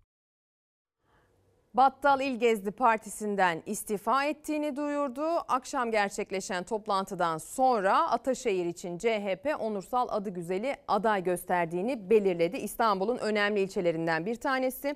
13 il artı 8 büyükşehir adayı dün gerçekleşen 4,5-5 saatlik o toplantıdan sonra belli oldu. Kritik bir geceydi Cumhuriyet Halk Partisi içerisinde. 209 belediye başkanının adayının e, ismi de açıklandı. Büyük şehirleri şöyle sayalım. 1. Antalya Muhittin Böcek, Denizli Bülent Nuri Çavuşoğlu, Diyarbakır Cafer Pekdemir, Erzurum Atlıhan Atilla, Muğla Ahmet Aras kendisini Bodrum Belediyesi'nden tanıyoruz. Sakarya Azize Çeroğlu, Trabzon Hasan Süha Saral, Van Şükrü Şahar şeklinde açıklandı. 27'sinde 29'unda affedersiniz bugün 27'si. 29'unda bir toplantı daha gerçekleşecek. Ona e, kalanlar açıklanacak sevgili izleyenler. Hatta 1 Şubat'taki toplantıda da kalan büyük şehirler ve geriye ne hangi adresler kaldıysa onlar açıklanacak. Akıllarda Hatay, Lütfi Savaş'la devam edilecek mi sorusu var. Akıllarda İzmir, Tunç Soyer'le mi devam edilecek yoksa başka isimler konuşuluyor onlar mı aday gösterilecek meselesi var. Bunlar belli ki tartışılmaya devam edecek. 13 büyük il Ağrı, Batman, Burdur, Çorum, e, Düzce, Hakkari, Isparta, Karabük, Kastamonu, e, Kırıkkale, Rize, Sivas ve Tokat'ta açıklandı dün itibariyle. Karabük'te biliyorsunuz AK Parti e, içerisinde bir çatlak meydana geldi. Onun da haberini akşam saatlerinde bu ekrandan izlediniz diyelim. Şimdi yine bir yerel seçim rekabeti için Giresun'a doğru gideceğiz. Giresun'un Görele ilçesinde e, yaklaşık 98 seçmenin bulunduğu bir köy. Yerel seçim öncesinde seçmen sayısı bakın kaça katlandı. Madem seçimde buraya aldılarsa, herkes şeyini, oyunu buraya aldıysa durmasını istiyorum. Köyde aslında 89 kişi yaşıyor ama yerel seçim öncesi seçmen sayısı 371'e fırladı. Herkesin birbirini tanıdığı Şenlik Köyü'nde kafalar karıştı. Şu anda 371 tane toplam e, nüfusumuz var. Köyün mevcut seçmeniyle katılması en doğru yoldur bence. Giresun'un Görele ilçesine bağlı Şenlik köyünde 40 yıldır aynı kişi muhtarlık yapıyordu. Bu yıl ilk kez aday olmaya karar veren Veysel Çırak seçmen sayısının 371 olduğunu görünce şaşırdı. İddiaya göre boş evlere ikametgahlarını taşıyan insanlar sadece oy vermek için gelip bir daha uğramayacak. Köyde e, hiç görmediğim insanların bile kayıtlarda isimleri olduğunu gördüm. Zamanla göçmüş, gitmiş, yerini yurdunu satmış veya köye hiç gelmemiş. Köyde evi bile yok. Onlar yarın çekip gidecek.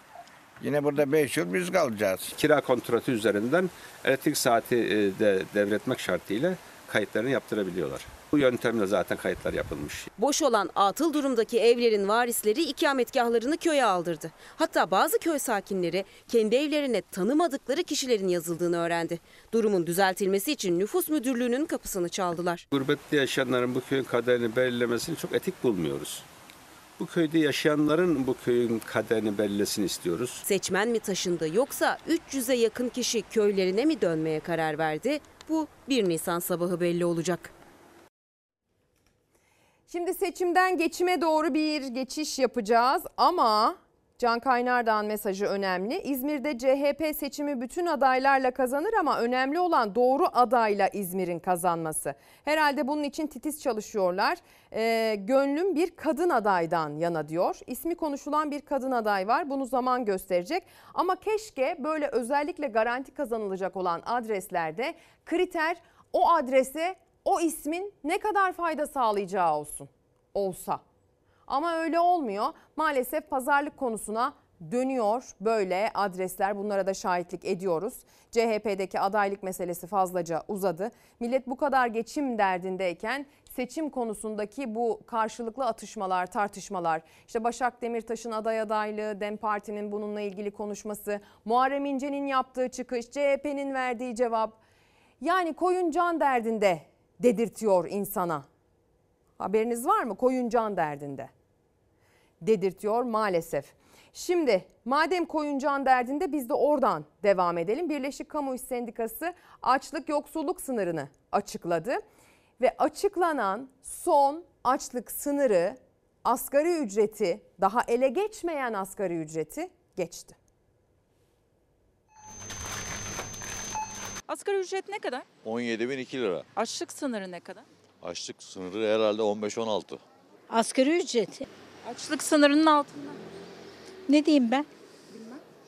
Vallahi siz ne düşünüyorsanız ben de onu düşünüyorum. Yoruldum artık yani. Hayat mücadele, mücadelesi, hayat mücadelesi yoruldum. Yorgun hayat mücadelesinde geçim sıkıntısındalar. Çünkü 17 bin 2 lira olan yeni maaşı daha eline geçmeden açlık sınırının altında kaldı asgari ücretli. Birleşik Kamu İş Konfederasyonu 4 kişilik bir ailenin açlık sınırını Ocak ayı için 17 bin 442 lira olarak açıkladı. Asgari ücretli o Ocak ayında eski maaşıyla geçirdi. 17 bin 2 liralık yeni maaşını Şubat'ta alacak. Para cebine girmeden çıktı yani. Söyleyecek kelime bulamıyorum yani. Geçinmek mümkün değil. Matematik profesörü olmak lazım. Açlık asgariyi tek hamlede geçti. Daha yılın ilk ayında asgari ücret açlık sınırına yenildi. Çünkü açlık sınırı 440 lira fark attı asgari ücrete. Yani asgari ücretin 17.002 lira olduğu yerde açlık sınırı 17.442 lira olarak açıklandı. Biz acımızdan ölüyor demek yani bu. Market alışveriş ne kadar mal oluyor? Bir girdiğinde 2000-2500 liradan aşağı çıkamıyorsun. 1500. 250-300'den aşağı peynir yok zaten şu durumda. Markete gittiğimizde 1 milyardan aşağı çıkamıyoruz. Zamlanmayan neyi görse, görüyorsun desen daha iyi cevap verirdim. Çünkü hiçbir şey yok. Her şey zamlı. Süt ürünleri artık almış başını gitmiş. Etle balıkların. Çok kötü.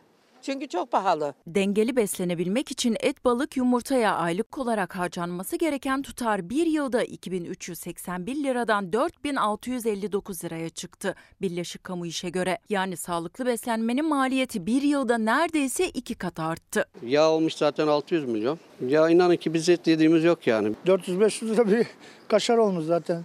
Et balık mümkün değil.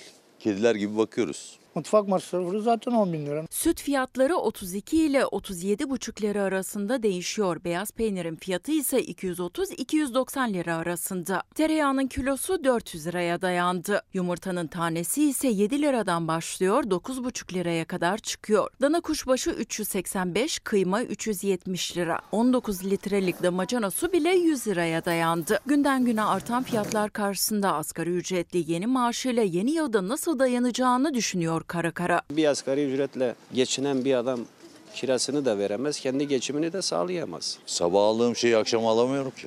Devletin ekonomistleri var, maliyecisi var, şusu var, busu var. Ne diyeyim şimdi bunlara?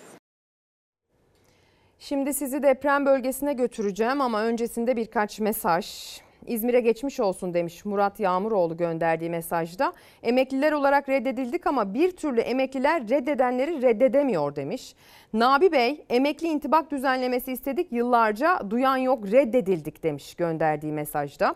Bir diğer izleyicimiz birinci derece memur emeklisiyim maaşım açlık sınırında verilen sözler yerine getirilsin demiş. Serpil Heke gönderiyor mesajı. Ee, ve reddetmeyi bilmeyen halklar reddedilmeyi hak ederler mesajını da e, kim göndermiş? Faruk Koşucu göndermiş efendim. Devam edelim. Ee, bir iş makinesi operatörü Kahramanmaraş'ta hatırlayacaksınız enkaz altında kalıp can vermişti. Hatay'da e, bir operatör daha aynı kaderi paylaşacaktı ki yıkılan binanın altında kalmaktan kaçarak kurtuldu.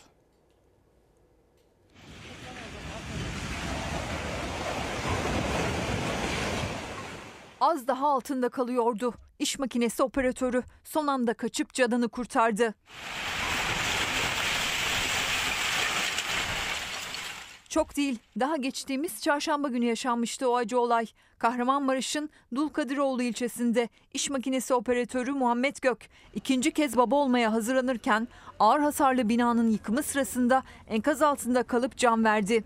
Ambulansın önünü aç. Ambulansın önünü aç.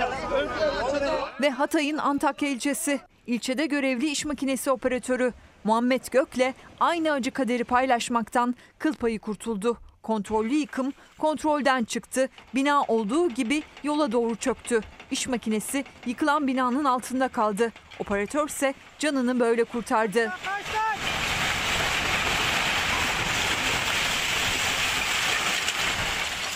6 Şubat depreminin birinci yıl dönümü yaklaşırken halen daha yakınlarını bekleyenler de var. O depremzedelerden biri Hatay'da Rönesans Rezidans'ın enkazından iki gün sonra kurtarılan Cemile İncili. Ben kurtarılmışım ablamla yeğenimden hiçbir haber yoktur.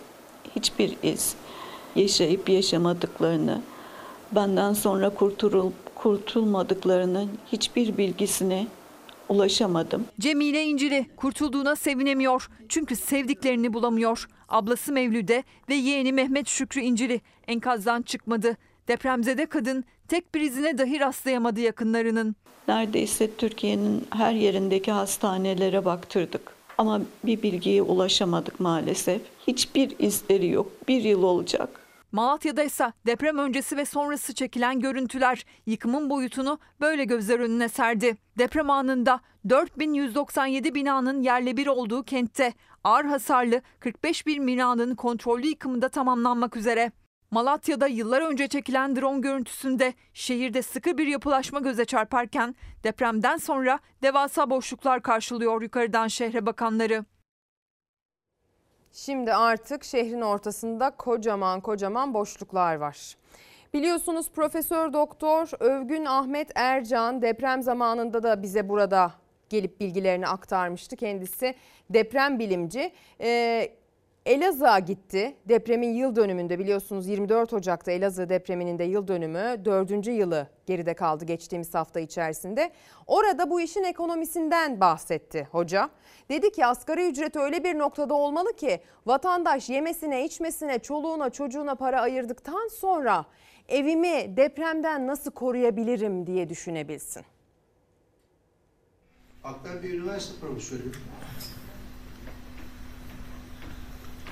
ben bir öğretmen kadar veya bir imam kadar para almıyorum aslında. Aynı sıkıntıyı biz de paylaşıyoruz. Ben depreme dayanıksız bir evde oturuyorum. Hani terzi söküğünü dikemez derler ya. Asgari ücret bu konuşmalar olmadan önce depremden bir kişinin kurtulması için 41 asgari ücretin 45 bin lira olması gerekiyordu. Ya para sana yetecek, aileni yetecek, çoluğunu çocuğunu okutacaksın, onları para yollayacaksın, cebine para kalacak ve onunla evini düzelteceksin. Paran olmazsa nasıl yapabilirsin? Nasıl yapabilirsin? Şu anda bir Türk bireyinin depremden e, korunabilmesi için bireysel olarak asgari ücretin 65 bin liradan aşağı olmaması gerekiyor.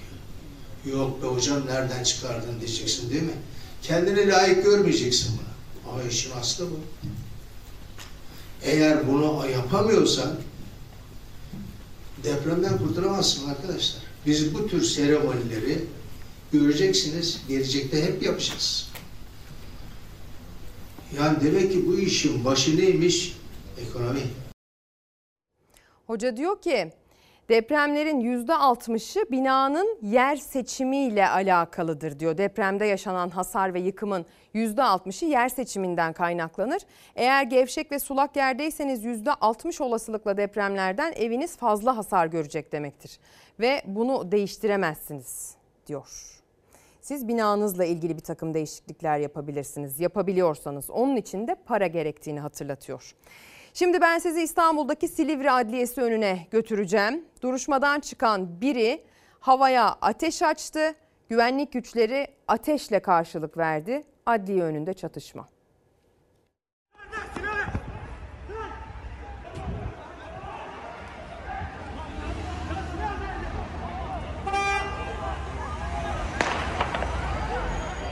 Duruşmaya gelmişlerdi. Duruşma sonrası taraflar kavgaya tutuştu. Silivri Adliyesi önünde bir kişi silahla havaya ateş açtı. Yok şu an yaralı maralı yok. Millet zaten e, arabanın aralarını e, kaçmış e, şeylerden korunmak için. Cuma günü öğle saatlerinde İstanbul Silivri Adliyesi'nin önünde hareketli dakikalar yaşandı. Adliyede görülen davanın ardından iki grup birbirlerine girdi. Tartışma sırasında neyse havaya ateş açtı. Ortalık karıştı. Adliye önündeki polis ve jandarma da ateşle karşılık verdi şüpheliye. Nasıl tabii? Güvenlik güçlerinden kaçan neyse belediyenin önünde yer alan otoparka saklandı. Saklandığı yerde de yakalandı. Olayda kullanılan silah adliye yakınındaki mezarlıkta bulundu. Gözaltına alınan şüpheli emniyetteki işlemleri sonrası adliyeye sevk edildi. Tutuklanarak cezaevine gönderildi. Bu arada az evvel Profesör Doktor Övgün Ahmet Ercan'dan bir e, depremle ilgili, ekonomiyle ilgili bir çıkış verdik. Sabah yaşanan İzmir depremiyle ilgili de yaptığı paylaşımda bunun bir ana deprem olacağını ve artçıların iki haftaya kadar sürebileceğini söyledi. İzmir'e bir kez daha geçmiş olsun diyelim. Bir e, geçmiş olsun dileği de velilere özellikle çocuğunu özel okula gönderen orta seviye, orta alt seviye e, gelir grubundaki velilere büyük geçmiş olsun. %57 olarak belirlendi ama maalesef her okul bu orana, bu zam oranına uymuyor. Aile. Çok yüksek fiyatlarla veliler ne yapacaklarını şaşırmış durumda. Korkunç ödeme rakamlarından karşı karşıya. İki çocuk da özel okulda mı? Üç çocuk var, üçü de özel okulda. Zaten fiyatlar çok fahiş.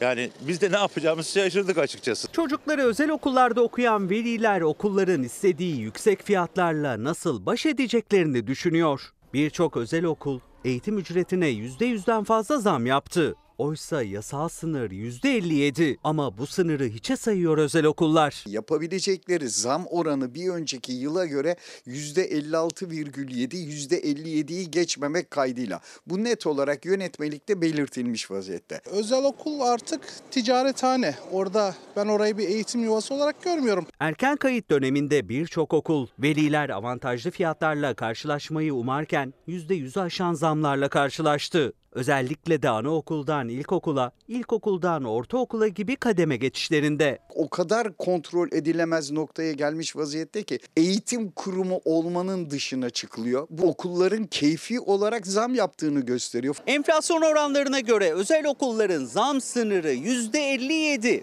Örneğin geçen yıl bir öğrenci için 70 bin lira eğitim ücreti alan bir özel okul bu yıl en fazla 110 bin lira talep edebilir. Ancak velilere göre birçok özel okul yasal sınırın çok üzerinde zam talep ediyor.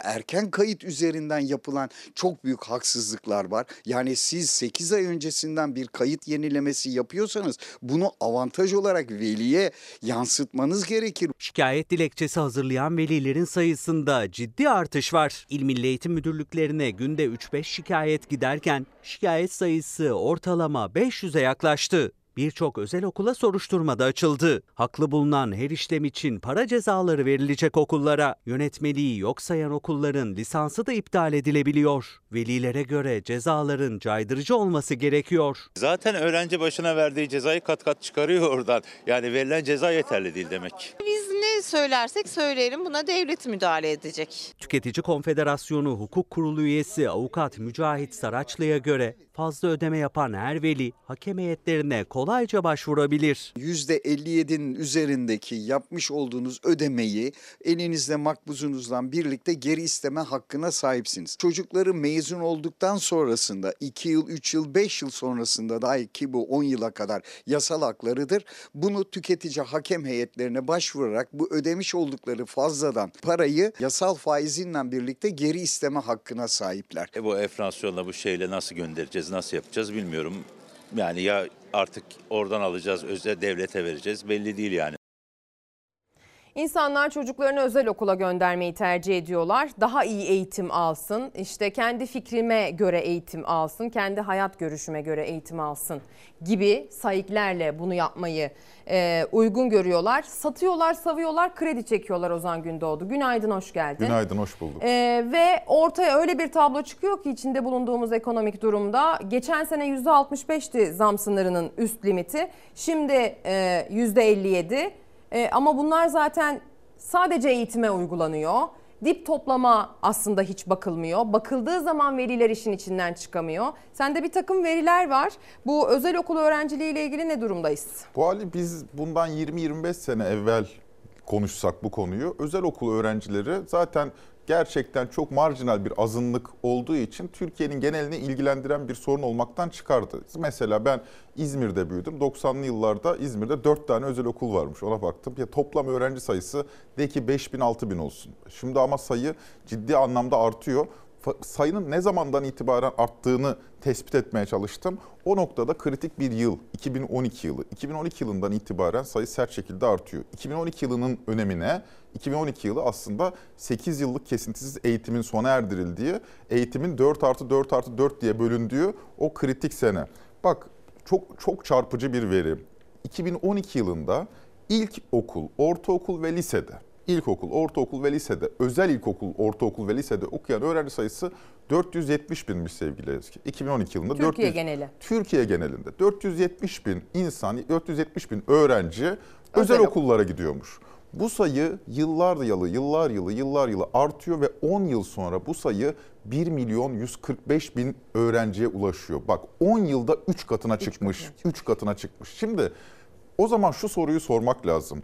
2012 yılında kişisel gelir 2022 yılında kişisel gelirden daha fazla. 13 bin dolarlık kişisel gelire sahipken biz şu anda 10 bin dolara düşmüş bu. Hele ki özel okulların müşterileri olan orta sınıflar çok daha sert şekilde yoksullaştılar. Şimdi hem yoksullaşıp hem de parasız olandan kaçıp özel olana gidiyorlarsa o zaman başka bir tabloyla karşı karşıyayız. Burada özel okulun çekiciliğinden ziyade devlet okulunun itici bir başka nedeni var. İnsanlar özel okula vay benim çocuğum e, dil öğrensin, daha iyi eğitim alsın, şu alsın, bu alsın diye gitmiyor. Onu zaten gidiyorlardı. Yani artışın nedeni bu değil. Zaten geçmişte de bu yüzden gidiyorlardı insanlar özel okula. Ama 2012'den sonra adeta devletten kaçıyorlar. Devletten kaçmalarının birkaç küçük nedeni var. Bir de ana bir nedeni var. Zaten ana nedeni bence odaklanmamız lazım. Küçük nedenler şunlar. Mesela aile diyor ki ya benim iş çıkış saatlerimle çocuğumun iş çıkış saatleri devlet okulunda uyuşmuyor. Dolayısıyla ben mecburen özel okula götürüyorum. Böyle bu bir grup. Küçük bir kesim. Bir grup böyle. Bir grup şunu söylüyor. Ya devlet okulundaki güvenlikten endişeliyim. Burada güvenlik tedirginliğim yok. En azından bildiğimiz yer bak zaten bir telefonla ulaşabiliyoruz. Bu da bir küçük kesim. Ama asıl ana gövde, asıl ana gövde zaten bence sosyolojik olarak travma olan da budur. Asıl ana gövde orta sınıf ailelerin, çocuk orta sınıf aileler devletin verdiği eğitime artık güvenmiyorlar. Endişe duyuyorlar. Benim değerlerimle okulda verilen eğitimin değerleri birbirine uyuşmuyor. Uyuşmuyor. Burada burada en önemli neden ne? Aslında dinseldir. Dinsel. Çünkü verilen din eğitimi ideolojik bulunuyor ki haklı gerekçeleri de var. Çünkü gerçekten sayılara baktığın zaman çok sert bir imam hatipleşme de söz konusu. Mesela 4 artı 4 artı 4'ten sonra ilk 4 ilkokul, ikinci 4'ü ortaokul yapıyorsun. Şimdi bizim sistemimiz ne? Bütün sistem 8 yıllık kesintisiz eğitime göre organize Evet. olmuş ve ilköğretim okullarında hem ilkokul var hem ortaokul var. 2012'de 683 adet İmam Hatip Ortaokulu nasıl açılıyor? İlköğretim okulunun yarısını burası artık ortaokuldur diyorsunuz. Bu da İmam Hatip'tir diyorsunuz. Milyonlarca öğrencinin İmam Hatip'ten başka tercihi kalmıyor. Şimdi ben bu dünya görüş, seküler bir dünya görüşüne sahip, öyle bir hayat tarzına sahibim. Çocuğumu İmam Hatip'e göndermek istemiyorum. 10 yaşına gelmiş ufacık çocuk ortaokula geçmiş. Ben bu çocuğu 10 kilometre uzaktaki başka bir okula da göndermek istemiyorum. Bana ne düşüyor? Benim iki çarem var. Ya boyun bükeceğim, İmam Hatip'e göndereceğim. Üzüleceğim ama yapacak bir şey yok, çaresizim. Ya da paraya kıyacağım, özele göndereceğim. Bulup buluşturacaksın. Sağlıkta yaşadığımızın aynısı değil mi? Aynısı. Aynısı. E demek ki burada demek ki eğitim ve sağlık bu iki büyük kamu hizmetinde özel sektör özellikle teşvik ediliyor. Yani hastaların veya öğrencilerin özelde hapsolması bir devlet politikası haline gelmiş. Çünkü devlet politikası olmasa Milli Eğitim Bakanı buna bir şey yapar. Ne yapar? Mesela şu. Çünkü üretimin arka planında da öğretmen krizi var. Bu kadar faiz zamlar yapan bu sektör ve bir yandan da orta sınıfı buraya hapsediyorsunuz. Yani mecbur bırakıyorsunuz ve öğretmene de asgari ücretten hallice bir para veriyorsunuz. Kesinlikle. Bu ben benim de aşırı önemsediğim bir durum. Ee, hani ben de artık çok deneyimli olmasam bile birkaç yıldır veliyim. Ee, ve kesinlikle çocuğumu göndereceğim okulda bakacak olduğum ilk kriterlerden bir tanesi öğretmenlerin nasıl ücretlendirildiği, ne ölçüde takdir edildiği. Bir de tabii son dönemde de bu hani ideolojik olarak çok sert bir geçiş yaşanıyor Milli Eğitim Bakanlığı'nda. Yani herkesin kulaklarında çınlıyordur diye tahmin ediyorum. Milli Eğitim Bakanı'nın meclis kürsüsünden bizim STK dediğimiz, sizin cemaat dediğiniz bu yapılarla biz protokol imzalamaya devam edeceğiz Evet. diyorlar. Aylardır bütün yaz boyunca yazdan beri bütün sendikalar, öğretmenler, eğitim camiası ÇEDES konusunda ayakta. Ee, artık e, din din görevlilerinin okullara girmesiyle ilgili mesele resmen yasaya bağlandı gibi bir şey oldu yani protokole bağlandı. ÇEDES kurala bağlandı. ÇEDES projesi var. Yani dolayısıyla değerler eğitimi altında isteyen istemeyen ailesinin görüşü ne olursa olsun bütün çocuklara ve pedagojik olarak da çok erken yaştan itibaren başka bir bakış açısıyla dünyaya bakmaları şeklinde bir yönlendirme var ve bunu da bağıra bağıra ideolojik, son derece ideolojik. Burada e, bu konuyla ilgili bir podcast serisi yaptım. Yani podcast bölümü hazırladım. Çok da ilgi çekti. Oraya gelen mesajlardan yola çıkarak benim de algım değişti. Ben şöyle düşünüyordum. Yani söz konusu bu e, devlet okullarındaki dinselleşmeye büyük ölçüde seküler kesimlerden aileler karşı çıkıyorlardır diye düşünüyordum. Halbuki evet bu var ama bunun başka türlüsü de var. Din dediğin şey çok bireysel bir şey, çok inancına ilişkin bir şey. Senle Allah arasında olan bir ilişki. Şimdi bu ilişkiyi bir şey yapılabilir. Bu ilişkiye dalınabilir, konuşulabilir, edilebilir. Ama herkesin ilişkisi farklı. Mesela muhafazakar, dindar bir aileden birisi yazmış. Ya benim an, dini anlayışımla okulda anlatılan hocanın anlattığı din anlayışı bir değil ki. Ben şimdi o ço- çocuğa ok- okulda birisi bir şey anlatıyor. Ben sonra onu düzeltmekle uğraşıyorum. Şimdi sadece dolayısıyla şeyin sorunu değil. Sekülerlerin sorunu Sekülerlerin değil. sorun değil. Çünkü siz bir dini bakış açısını an- ayrıca anlatıyorsunuz. Ö- Örneğin mesela Alevi aileler var. Onlar da kendileri Müslüman sayıyorlar fakat okulda gördüklerin okulda bir eğitim görüyor çocuk geliyor biz Müslüman değilmişiz anne diye çocuk evde ağlıyor. Kimin ne hakkı var böyle bir şey yapmaya? Kimin ne hakkı var? E şimdi bu durumdayken o aileyi düşünelim şimdi. Bu aile çocuğunu devlet okulunda tutmak ister mi? İstemez. En nitekim sonuç ne oluyor? Bak ilkokul ya yani 6 yaşındaki çocukları devlete emanet edemiyoruz. 2012 yılında tam 2012 yılında yani 4 artı 4 artı 4'ün geldiği sene 167.381 özel ilkokul öğrencisi varmış 10 yıl önce. 167.381. 10 yılda sayı 348.720'ye çıkıyor. %110'luk bir artış var 10 yılda ve ekonomik krize rağmen gidiyor. Ekonomik krize rağmen bak 2018'den 2022'ye kadar nasıl ağır ekonomik şartlar yaşadık değil mi? 2018'de 250 bin özel ilkokul öğrencisi varmış şimdi 348 bine çıkıyor. Ekonomi, Neredeyse iki katı. ekonomi ekonomi umurunda değil. Çocuğunu diyor ki ben bunlara emanet etmem diyor ya çocuğu. Ve kendince haklı gerekçeleri var. Ve ben bunlara emanet etmem derken de emin ol dişinden tırnağından ayırarak gidiyor özel okula veriyor. Normal şartlar altında bundan 20 sene önce, 25 sene önce özel okul velileri üst tabaka insanlardı. Üst tabaka derken tırnak içinde söylüyorum. Yani zengin insanlardı. Varsıllar. Hatta hatta şöyleydi. Ben kendi sınıfımdan, kendi okulumdan biliyorum. Özel okula gönderme imkanı olan ailelerin birçoğu bile devlet okuluna gönderiyor. Evet. Ve yani benim sınıf arkadaşlarımdan bayağı sermayedar çocukları vardı. Ben devlet okulunda büyüdüm. Aynı sınıfta yetiştirme yurdundan yetişen çocuk da Ki vardı. pedagojik olarak tavsiye edilen de bu. Ben de seneye çocuğumu e, ilkokula gönderecek bir veli olarak isterim ki sınıfında hem varsılı olsun hem yoksulu olsun, işçi çocuğu olsun, memur çocuğu olsun, özel sektör çalışanı, beyaz yakalı, mavi yakalı.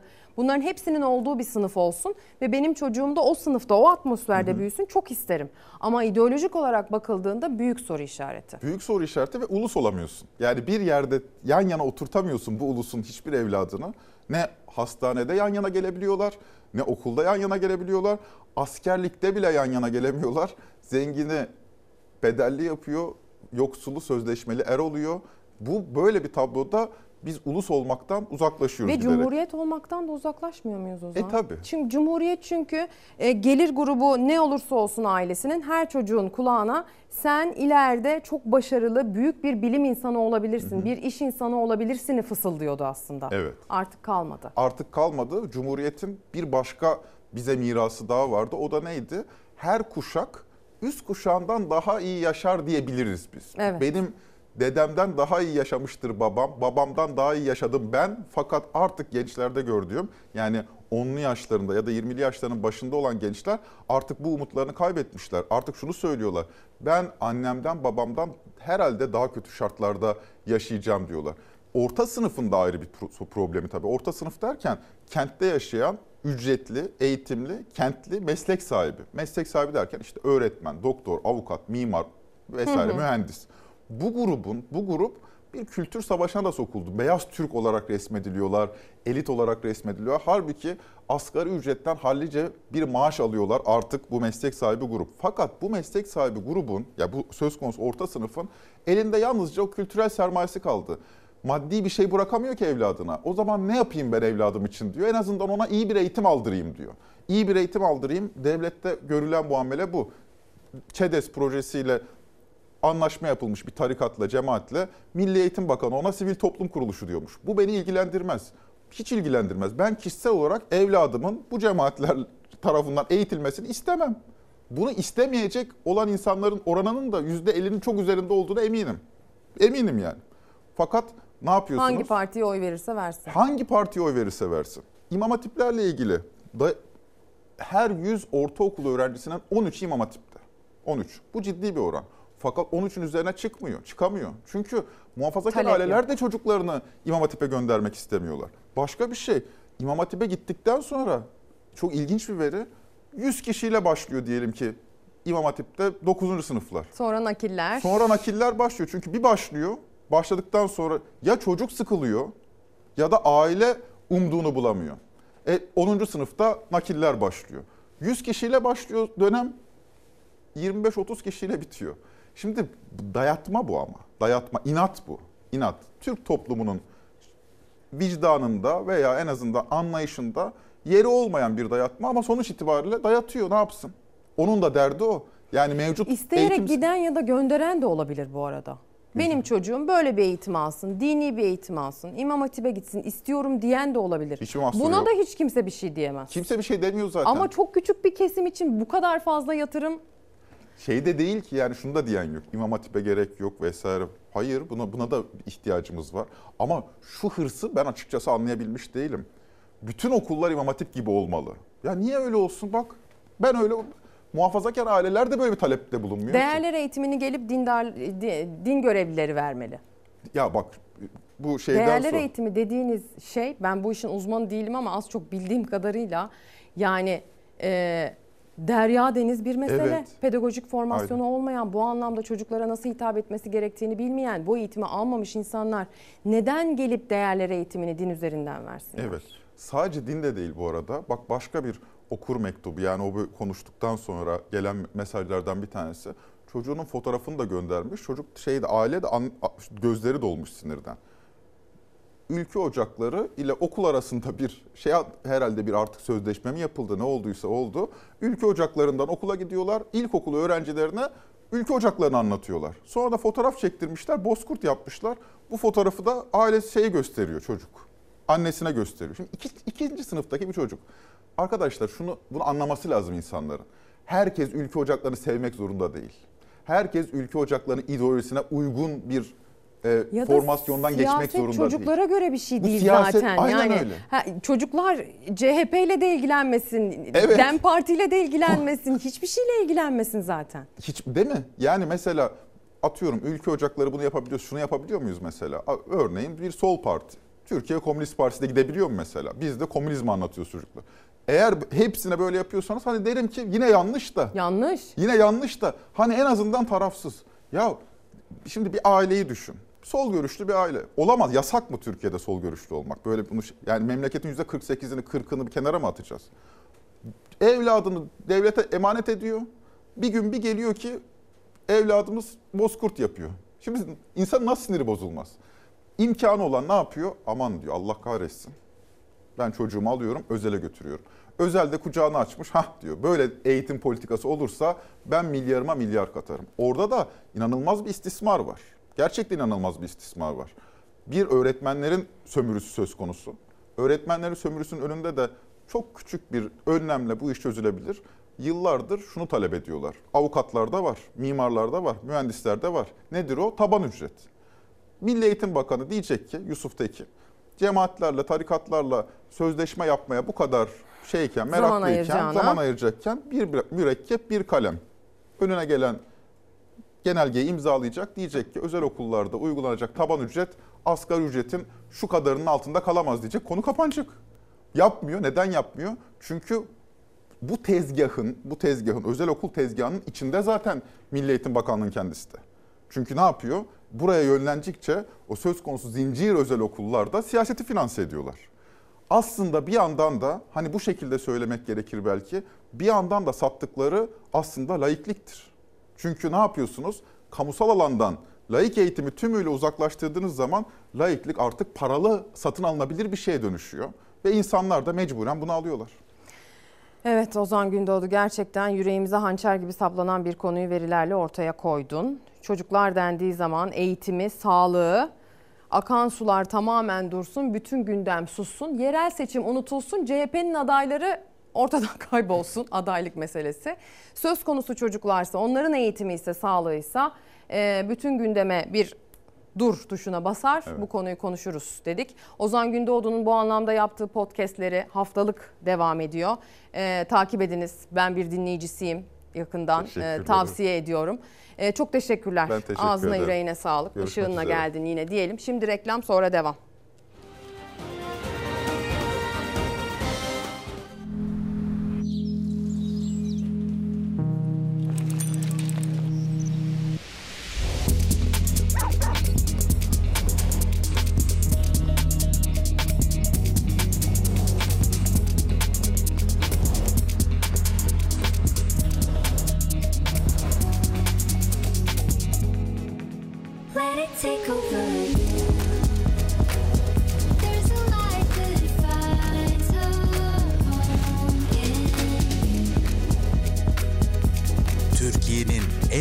En göz alıcı ekranında şimdi değişim zamanı. Sevdiğiniz Fox şimdi Now oluyor. Reklama gidiyoruz dedik ama biraz da kendi logomuzun değişimiyle ilgili bahsi açmamız gerekiyor. Biliyorsunuz sevdiğiniz Fox Now oluyor efendim artık. Hiçbir şey değişmiyor. Biz yine aynıyız. Burası aynı. Burası aynı. Sormaya, sorgulamaya, araştırmaya, peşine düşmeye, Doğru soruyu doğru şekilde sorup adresine iletmeye devam edeceğiz. Size ayna tutmaya devam edeceğiz. O yüzden isimlere takılmamak lazım, etikete bakmamak lazım. İçerik olduğu gibi aynı kalacak efendim. Hiç endişe olmasın diyelim. Reklam sonra devam. Günaydın sevgili izleyenler. Kaldığımız yerden devam etmek için Çalar Saat hafta sonuyla yeniden karşınızdayız. Hemen ilk adres olarak sizi İstanbul Pendik'e götüreceğim. 9 katlı bir binada pil üretim atölyesinde patlama meydana geldi. Pil üretim atölyesinde patlama yaşandı. O patlamayla birlikte alevler sardı atölyeyi. Park halindeki bir araba hasar aldı. İstanbul Pendik'te 9 katlı binanın giriş katı pil üretim atölyesi olarak kullanılıyordu. İş yerinde patlama meydana geldi. O patlama yangında çıkardı. O anlar kameraya böyle yansıdı. Bizim dükkan dükkan. Şey? Bilmiyoruz ki. Binada büyük paniğe yol açtı patlama. Neyse ki herhangi bir can kaybı ya da yaralanma yaşanmadı patlama sırasında. Atölyedeki hasar dışında da sıçrayan alevler park halindeki bir araca zarar verdi. Vallahi araba yanıyor dediler. Ben atladım geldim. Arabamı çektim buraya işte. Arabanın üstünü görüyorsunuz. Şekil bu. Aşağıda pil üretiliyordu. Pil üretim merkezindeki yangın kısa sürede söndürüldü. Tekrar mesajlarınıza geri dönelim sevgili izleyenler. Reddedildik başlığımız bu sabah itibariyle. Özel sektörde yıllarca öğretmenlik yapıp emekli olan, özlük haklarında işçi, iş hayatında uyması gerekenler kural ve işlevde 657'ye tabi olan özel okul öğretmenlerine hala yeşil pasaport verilmiyor. İstedik ama reddedildik diyor. Reddedildik başlığı altında gelen mesajlar. Pek çok mesaj var. Ee, İyi dilekleriniz, güzel yorumlarınız, övgüleriniz için de çok teşekkürler. Burada okursam yüzüm kızarır. Hepsi için toptan teşekkür etmek isterim. Bir de Eray Candan'ın doğum günüymüş bugün. Abla doğum günümü kutlar mısınız demiş. Reddedildik yazmış bir de altına. Reddedilmediniz doğum gününüzü kutluyoruz diyelim Eray Bey. Devam edelim. Şimdi biraz ekonomiden, biraz çalışanlardan, çalışanın aldığı paradan bahsedeceğiz. Ee, biliyorsunuz emeklinin en düşük maaşı zam yapıldıktan sonra 10 bin liraya çıktı ama %49 değil aslında %33 uygulanmış oldu onlara. Kök maaş meselesi nedeniyle yaşam mücadelesini 10 bin lirayla verecek olan kamu işçileri zam oranına tepki gösterdi. Çünkü onlara da %32,5 verildi. Gerçek enflasyon rakamları bu değil. Birleşik Kamu İş'in kamu ARGE bölümü %110'un üstünde yıllık enflasyon çıkardı. Kamu işçisi şu an %32.52 zam alacaklar. TÜİK gerçek enflasyon %64,7 ama hissedilen 96 dedi. 700 bin kamu işçisi %36 olan 2024 enflasyon tahmininin de altında zam aldı Ocak ayında. %32,5 en düşük kamu işçisi maaşı ortalama 25 bin lira oldu. Büyük şehirlerde en düşük ev kirası 15-20 bin lira. Kamu işçisi hem e, evinde kiradaysa kesinlikle geçinemez. Neyle geçinecek? En düşük kamu işçisi ücretinde 15 bin liraya çıkarıyoruz. Ücretlerimiz öyle eridi ki enflasyon TÜİK diyor ki 65. Pazara baktığın zaman bu 80'ların 90'ların üstünde. Daha başlarken e, enflasyon hesabı yanlış yapıldığı için zaten zor durumda insanlar. SSK ve Bağkur emekli zamları memur ve memur emeklileriyle eşitlendi. %49,25 asgari ücrete %49 zam yapıldı.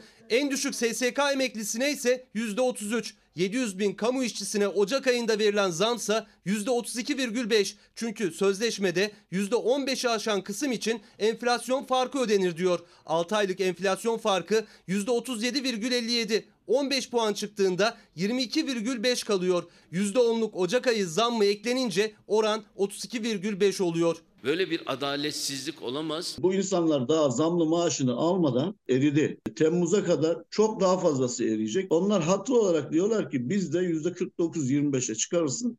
Talebimiz o yönde diyorlar. Yürürlük süreleri farklı olan toplu iş sözleşmelerimizin tamamı için enflasyon artı bir iyileştirme yapılması konusunda çağrıda bulundu. %32,5'lik zam sadece Ocak ayında sözleşmesi olanlar için. Şubat, Mart ve daha sonraki aylarda sözleşmesi yenilenecek. Kamu işçileri ise daha düşük zamla karşı karşıya kalacak.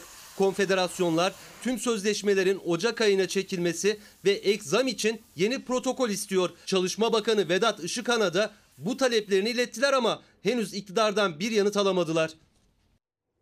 İktidardan yanıt almayı bekliyorlar. Bir izleyicimiz de bana bir soru sormuş. Yanıt almayı bekliyor. Beni neden Instagram'dan engelledin diyor Hamdi Bey. Ama mesajınızı Instagram'dan okuyorum. Demek ki engellememişim. Kimseyi engellemiyoruz efendim. Olumlu olumsuz kim ne yazarsa yazsın. Herkesin mesajı olduğu yerde duruyor. Ee, hakaret etmediği sürece, tehdit etmediği sürece. Çok nadir, çok çok nadir öyle şeyler de olabiliyor. Ee, onun haricinde herkes her istediğini söyleyebilir. Serbest kürsü. Gün boyu gazetesiyle devam edelim. Bir gecede 700 ürünün etiketini değiştirdiler manşetiyle çıkmış bugün gazete. Yeni asgari ücretin belli olmasından hemen sonra özellikle büyük marketler zamlı maaş daha ceplere girmeden bir gece fazla mesai yapıp 700 ürünün etiketini değiştirdi. Süt ürünleri zam şampiyonu olurken olan yine vatandaşın bütçesine oldu. Ama tabii ki dönüp de burada marketlere kızacak mıyız? Kızmadan önce en azından sorgulayacağız. Meselenin kök nedenine de bakmak lazım. Şimdi sıradaki bizim haberimiz de gıda zammıyla alakalı. Ankara'da sokak simidi 10 liradan 15 liraya yükseltildi. Bununla ilgili açıklama yapan yetkili özür dilemek zorunda hissetti. Bugün maalesef yine bir zam haberiyle karşınızdayız. Biz de memnun değiliz bu zamlardan da girdi maliyetleri çok arttığı için ancak kafa kafaya geçiyor. Özellikle emekli kesiminden, öğrenci kesiminden, dar gelirli hemşehrilerimizden özür diliyoruz. Yapmak zorunda kaldık bu zammı. Dar gelirliden, öğrenciden, emekliden özür dileyerek açıkladı simide gelen zammı. Köşe başlarında satılan sokak simidi, dar gelirlinin evi dışında belki de tüketebildiği tek gıda. Başkent Ankara'da simite %50 zam geldi. 2023 Temmuz ayında 10 TL karar aldığımız simit fiyatları bugün itibariyle 15 TL olmuştur. Ankara'da sokak simidinin tanesi 15 liraya çıktı. Ankara Simitçiler Odası Başkanı özür dileyerek açıkladığı zammın gerekçesini kira ve fatura bedellerinin artması, susam ve una gelen zamlar olarak açıkladı. Herkesten özür diliyorum. Yalnız sadece özür dilemesi gereken bizler değiliz. Özür dilemesi gerekenler de lütfen çıksın özür dilesinler. Tek tek ekmek zammı haberi gelen illere geçen hafta Yozgat'ta eklendi. 210 gram ekmek 6,5 liradan satılırken fiyatı 8 liraya çıktı. Fırıncılar 10 lira olmazsa kar edemeyiz diyerek zammın gerekçelerini açıkladı. Bağkur sigorta oranları 4 liradan 6,5 liraya çıktı. Un torbası 670 bin lira.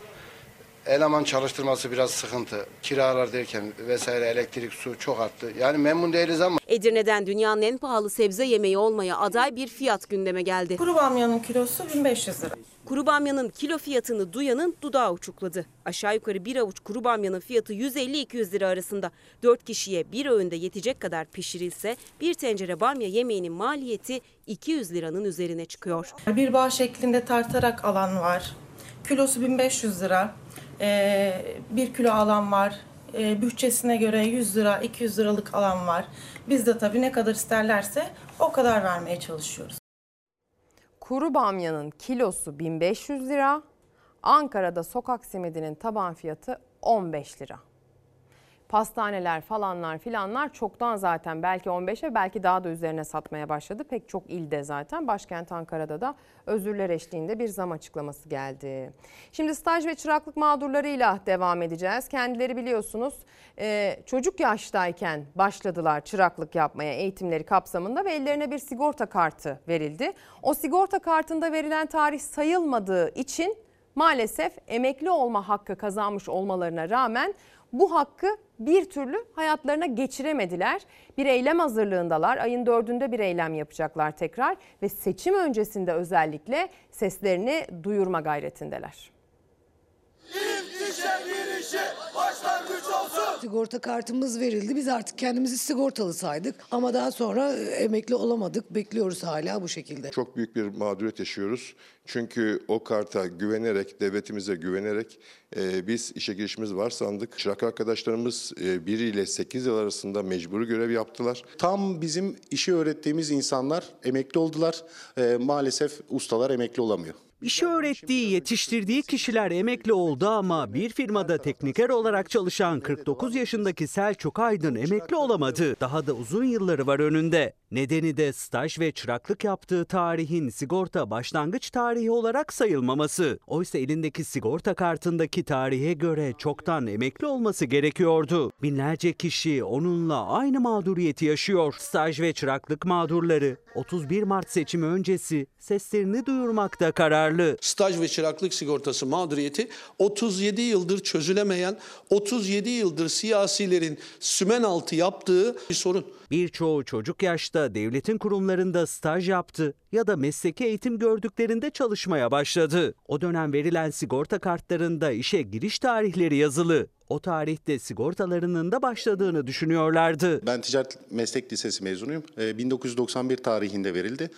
O tarihten 2 yıl e, okulumuzda e, iş yerlerinde sigorta yapıldığını düşünerek çalıştık. Biz EYT ile birlikte bunun farkına vardık. Sigorta başlangıçlarımızın e, sayılmadığının. En ağır şartlarda çalıştık. Sigorta kartı verildi. Bu sizin e, başlangıcınızdır. Emekli olacaksınız. Ondan sonra baktık ki o, o işe giriş tarihimizi kaybettiğimizi anladık. Staj ve çıraklık mağdurlarının en önemli isteği staj ve çıraklık yaptıkları dönemde SSK tarafından kendilerine verilen karttaki tarihin sigorta başlangıç tarihi olarak sayılması.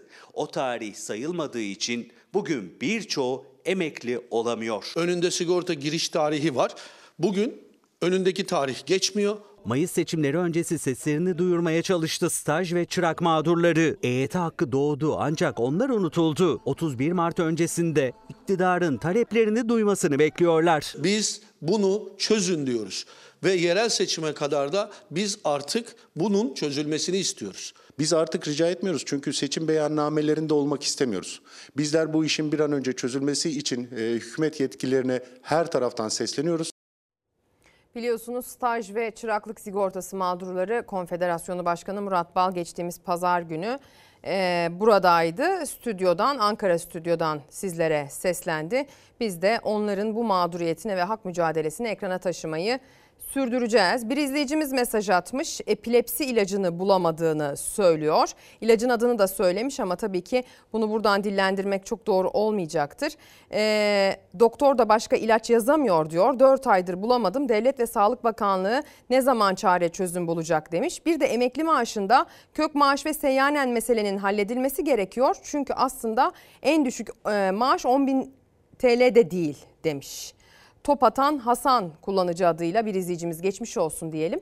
Şimdi sağlıktan bahsetmişken e, sağlıkla ilgili bir haberle devam edelim o zaman. E, Adana'ya götüreceğim sizi. Bir sahte doktor vakası. İfadesinde hastanedeki işlerini kolaylaştırmak için renkli fotokopiyle kendisine asistan kimliği hazırladığını itiraf etti. Gerçek güvenlik görevlilerinin şüphesiyle ortaya çıktı.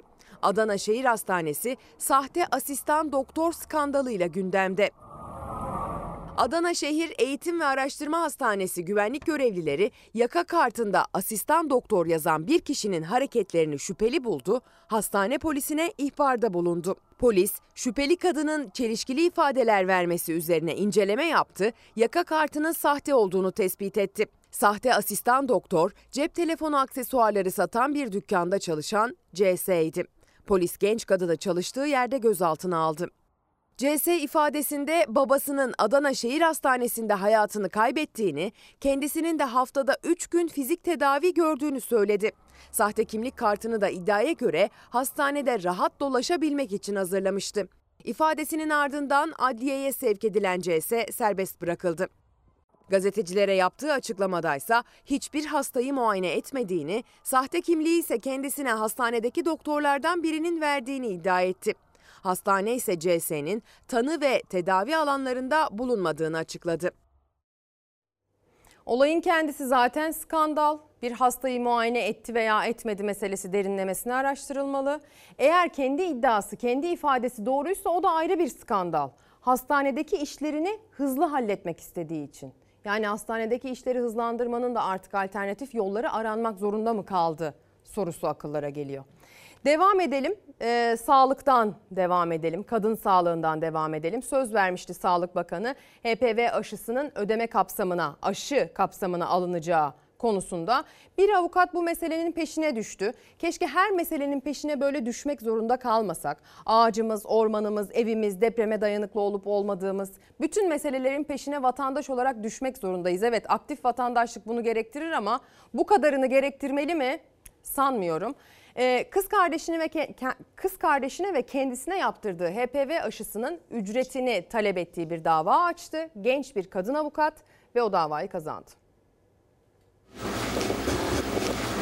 HPV aşısının uygulanması konusunda da bir çekincemiz asla yok. Belirlenen bir grupla aşılamaya başlayacağımızı ve kapsamını kademe kademe genişleteceğimizi ifade etmek isterim. HPV aşısı benim için etkili ve güvenli bir yol ancak ben buna ulaşıp erişemiyorum. Bu yolla aslında bu mücadeleye girdik. Kardeşim tam gerektiği zamanda e, aşısını oldu. Biz ona ailecek doğum günü hediyesi olarak HPV aşısını aldık. Sağlık Bakanı Fahrettin Koca 2022 yılının Kasım ayında sözünü vermişti. Ancak 3 dozu 9654 lira olan HPV aşısının ücretsiz uygulanmasına dair o vaat yerine getirilmedi. Avukat İlayda Öner de HPV aşısı olan 11 yaşındaki kız kardeşi adına aşı ücretinin geri ödenmesi için SGK'ya, aşının ulusal takvime alınması için de Sağlık Bakanlığı'na dava açtı. Aşı ulusal takvime alınmadı ama SGK aşı parasını faiziyle geri ödedi. Ben de aşı oldum. Ben de bu hukuki mücadeleyi sürdürdüm. Benim de e, aşı davam kabul oldu.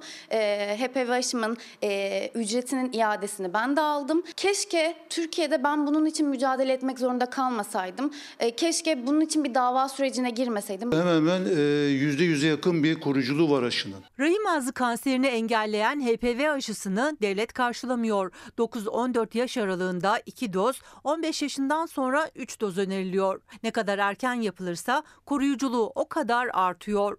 3 dozu 10 bin lirayı bulan aşıyı yaptırıp dava açanlara ise SGK geri ödeme yapıyor. Bunu yaptırmak çok imkansız bir şey şu an.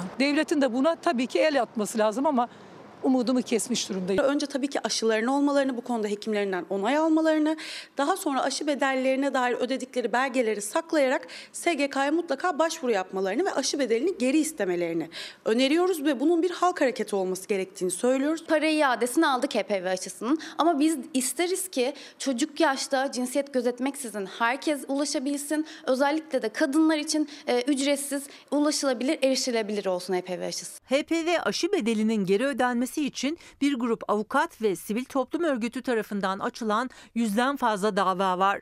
Dünyada yılda 300 binden fazla kadın rahim ağzı kanseri nedeniyle hayatını kaybediyor. Doktorlar, avukatlar ve aileler aşının diğer ülkelerdeki gibi ücretsiz olmasını istiyor. Sağlık Bakanı'ndan istediğimiz verdiği sözü tutması.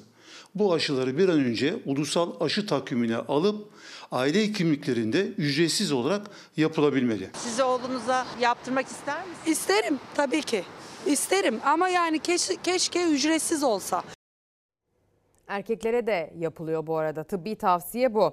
Müge Hanım merhaba, iyi yayınlar. Hastanelerdeki randevu ve ameliyat tarihlerini de konuşur musunuz? Tarihler uhu diye mesaj göndermiş. O kadar güzel bir özet ki. Haklısınız okumuş olalım bu mesajı da. Bir de küresel iklim değişikliği nedeniyle geleceği tehlikede olan arılar ve tehlikede olan geleceğimiz. Hala şeyde uyanık. Normalde bu mevsimlerde salkım bulması gerekiyordu. Küresel ısınma ve mevsim değişikliği arıları da vurdu. Ocak ayının sonundayız ama arılar halen daha kış uykusuna yatamadı.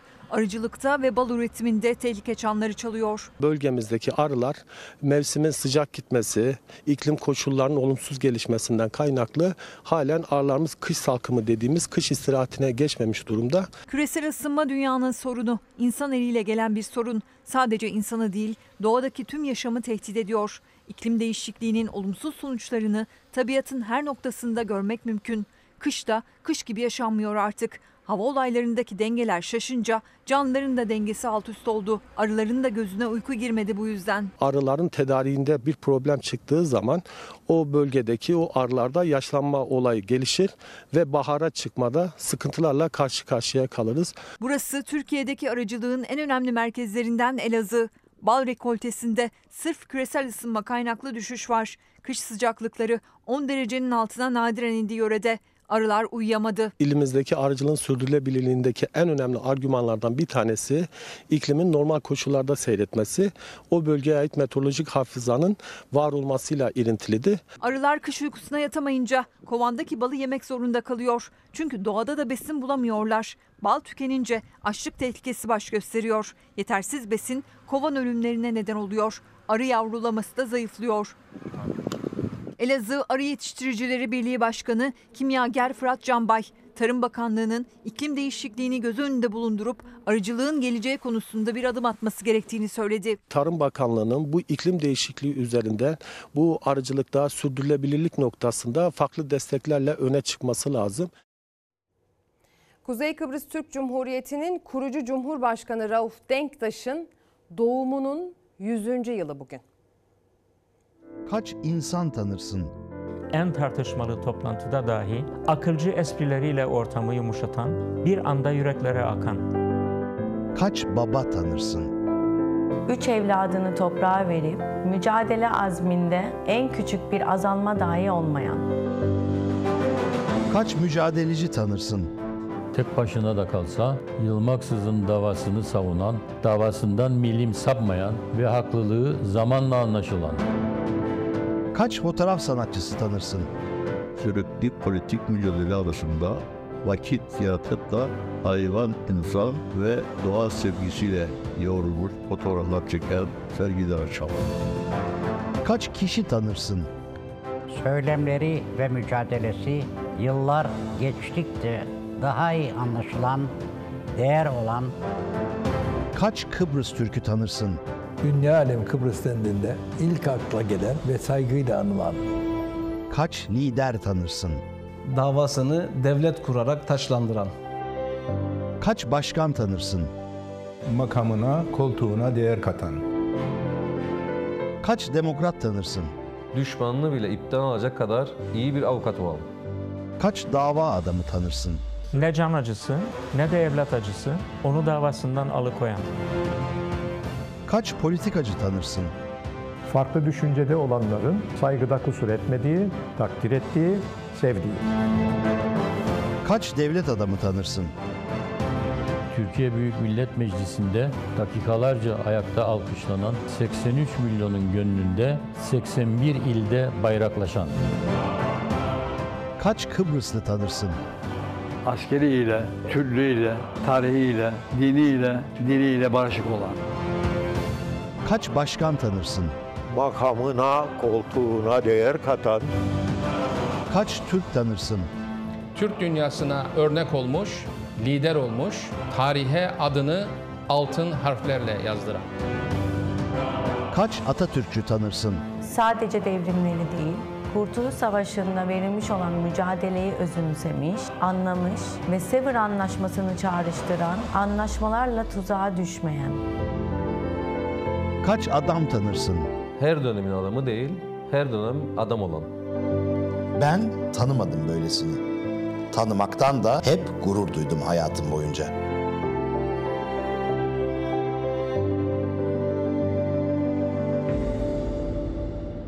Atatürk'ün çocukları Türk milletinin vatandaşları olarak bu vatanı daha güzel yapmak için uğraşmalıyız. Saygıyla anıyoruz efendim. Fox'ta yeni bir dizi daha başlıyor. İstanbul Tarlabaşı'nda e, bir hikaye. Birbirinden ünlü ve başarılı oyuncular. Bu akşam saat 8'de Fox'ta Kopuk dizisi başlıyor. Benim yaşadığım mahalle Taksim Meydanı'na çok yakın. Burada evler eski ve birbirlerine yapışık. Sokaklarda çok dar ama bu sayede çamaşırlarımızı kurtabiliyoruz.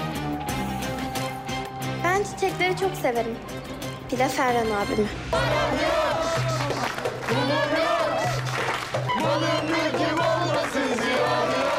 Kopuk bir tarla başı hikayesi tarla başında geçiyor. Ee, kendi seçtiği e, insanlardan oluşturduğu bir ailesi var Ferhan'ın. Ve e, böyle biraz jeneratör e, karakter diyebileceğimiz bir kıvamda. E, işte yardıma ihtiyacı olanın yardımına koşuyor. Mahallede birçok insanla ilgileniyor. Daha önce hiç böyle bir karakter oynamamıştım. Bu sefer daha farklı, e, gerçekten bir amacı olan, hayatta tutunacak çok fazla şey ve çok fazla sorumluluğu olan bir karakter. Ben Müjde karakterini oynuyorum. Annesini kaybediyor ve babasının yanına gelmek zorunda kalıyor. Burada yaşamak istemezken hmm, karşısına Ferhan çıkıyor. Fox'un yeni dizisi Kopuk bu akşam seyircisiyle buluşuyor. Kadrosunda Kaan Yıldırım, Biran Damla Yılmaz, Seray Kaya gibi oyuncuların rol aldığı dizi Beyoğlu'ndaki tarla başında geçiyor. Hiçbir iyiliğin cezasız kalmadığı bir dünyada oyunu tersine çevirmenin hala mümkün olduğunu anlatıyor Kopuk.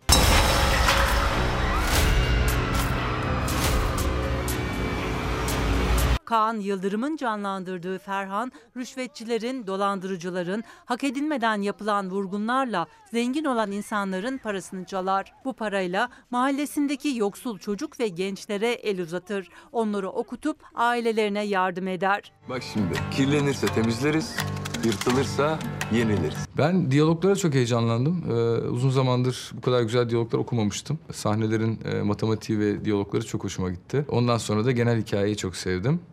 Ee, ve e, oluşturulmak istenen dünyayı da e, yönetmenle beraber konuşunca e, böyle bir büyük bir heyecanla projeye girdim. Dizinin ana karakteri hiç beklenmedik bir ölümle karşılaşınca yaşamı sarsılır. Haksızlıklarla yalnızca Ferhan olarak savaşamayacağını anlayınca avukat Orhan kimliğine bürünür ve yolu mahalleyi ele geçirmeye çalışan bir ailenin tek varisi bir an Damla Yılmaz'ın hayat verdiği İpek'le karşılaşır. Ama bir de mahallesinde sevdiği Müjde yani Seray Kaya vardır. Mahalleye taşınalı tam 32 gün oldu. Neden saydın diye sorma. Demek ki ben saymayı seviyorum. Sen neden benden hoşlanmıyorsun ya? Babama benziyorsun. Bence şahane bir ekiple çok güzel bir iş çıkardık. Umarım seyircimiz de çok beğenir. Sarp Akkaya, Ahmet Mümtaz Taylan gibi birbirinden başarılı isimleri buluşturan dizinin yönetmen koltuğunda Koray Kerimoğlu oturuyor. Soluk soluğa izleyeceğiniz dizi bu akşam ve her cumartesi saat 20'de Fox ekranında olacak. Bu akşam saat 8'de kavuşalım. Yolu açık olsun diyelim. Reddedildik başlığına Mehmet Eser konuşamaz, yazamaz, düşünemez olduk. Reddedildik mesajını göndermiş. Ee, bir izleyicimiz engelliler olarak biz de reddedildik, bizden de bahsedin diyor gönderdiği mesajda. Tabii ki bahsederiz diyelim. Şimdi reklam, sonra söyleyecek son bir söz için tekrar karşınızda olacağız. Günaydın sevgili izleyenler. Günaydın demeye saat 8.30'da başladık. 27 Ocak sabahından verdiğimiz ilk haber İzmir'de, Kuşadası'nda, Aydın'da, e, denizde, körfezde gerçekleşen bir depremin haberiydi. Aydın'a, İzmir'e, Manisa'ya, Nazilli'ye, bölgede depremin hissedildiği tüm il ve ilçelere tekrar geçmiş olsun diyelim. Bir artçı, e, öncü deprem artçısı olabilir deniyor onu da baştan söyleyelim. Yarın sabah yine aynı ekiple, yine aynı motivasyon ve hevesle saat 8.30'da Çalar Saat hafta sonu için burada buluşalım. O zamana kadar hoşçakalın.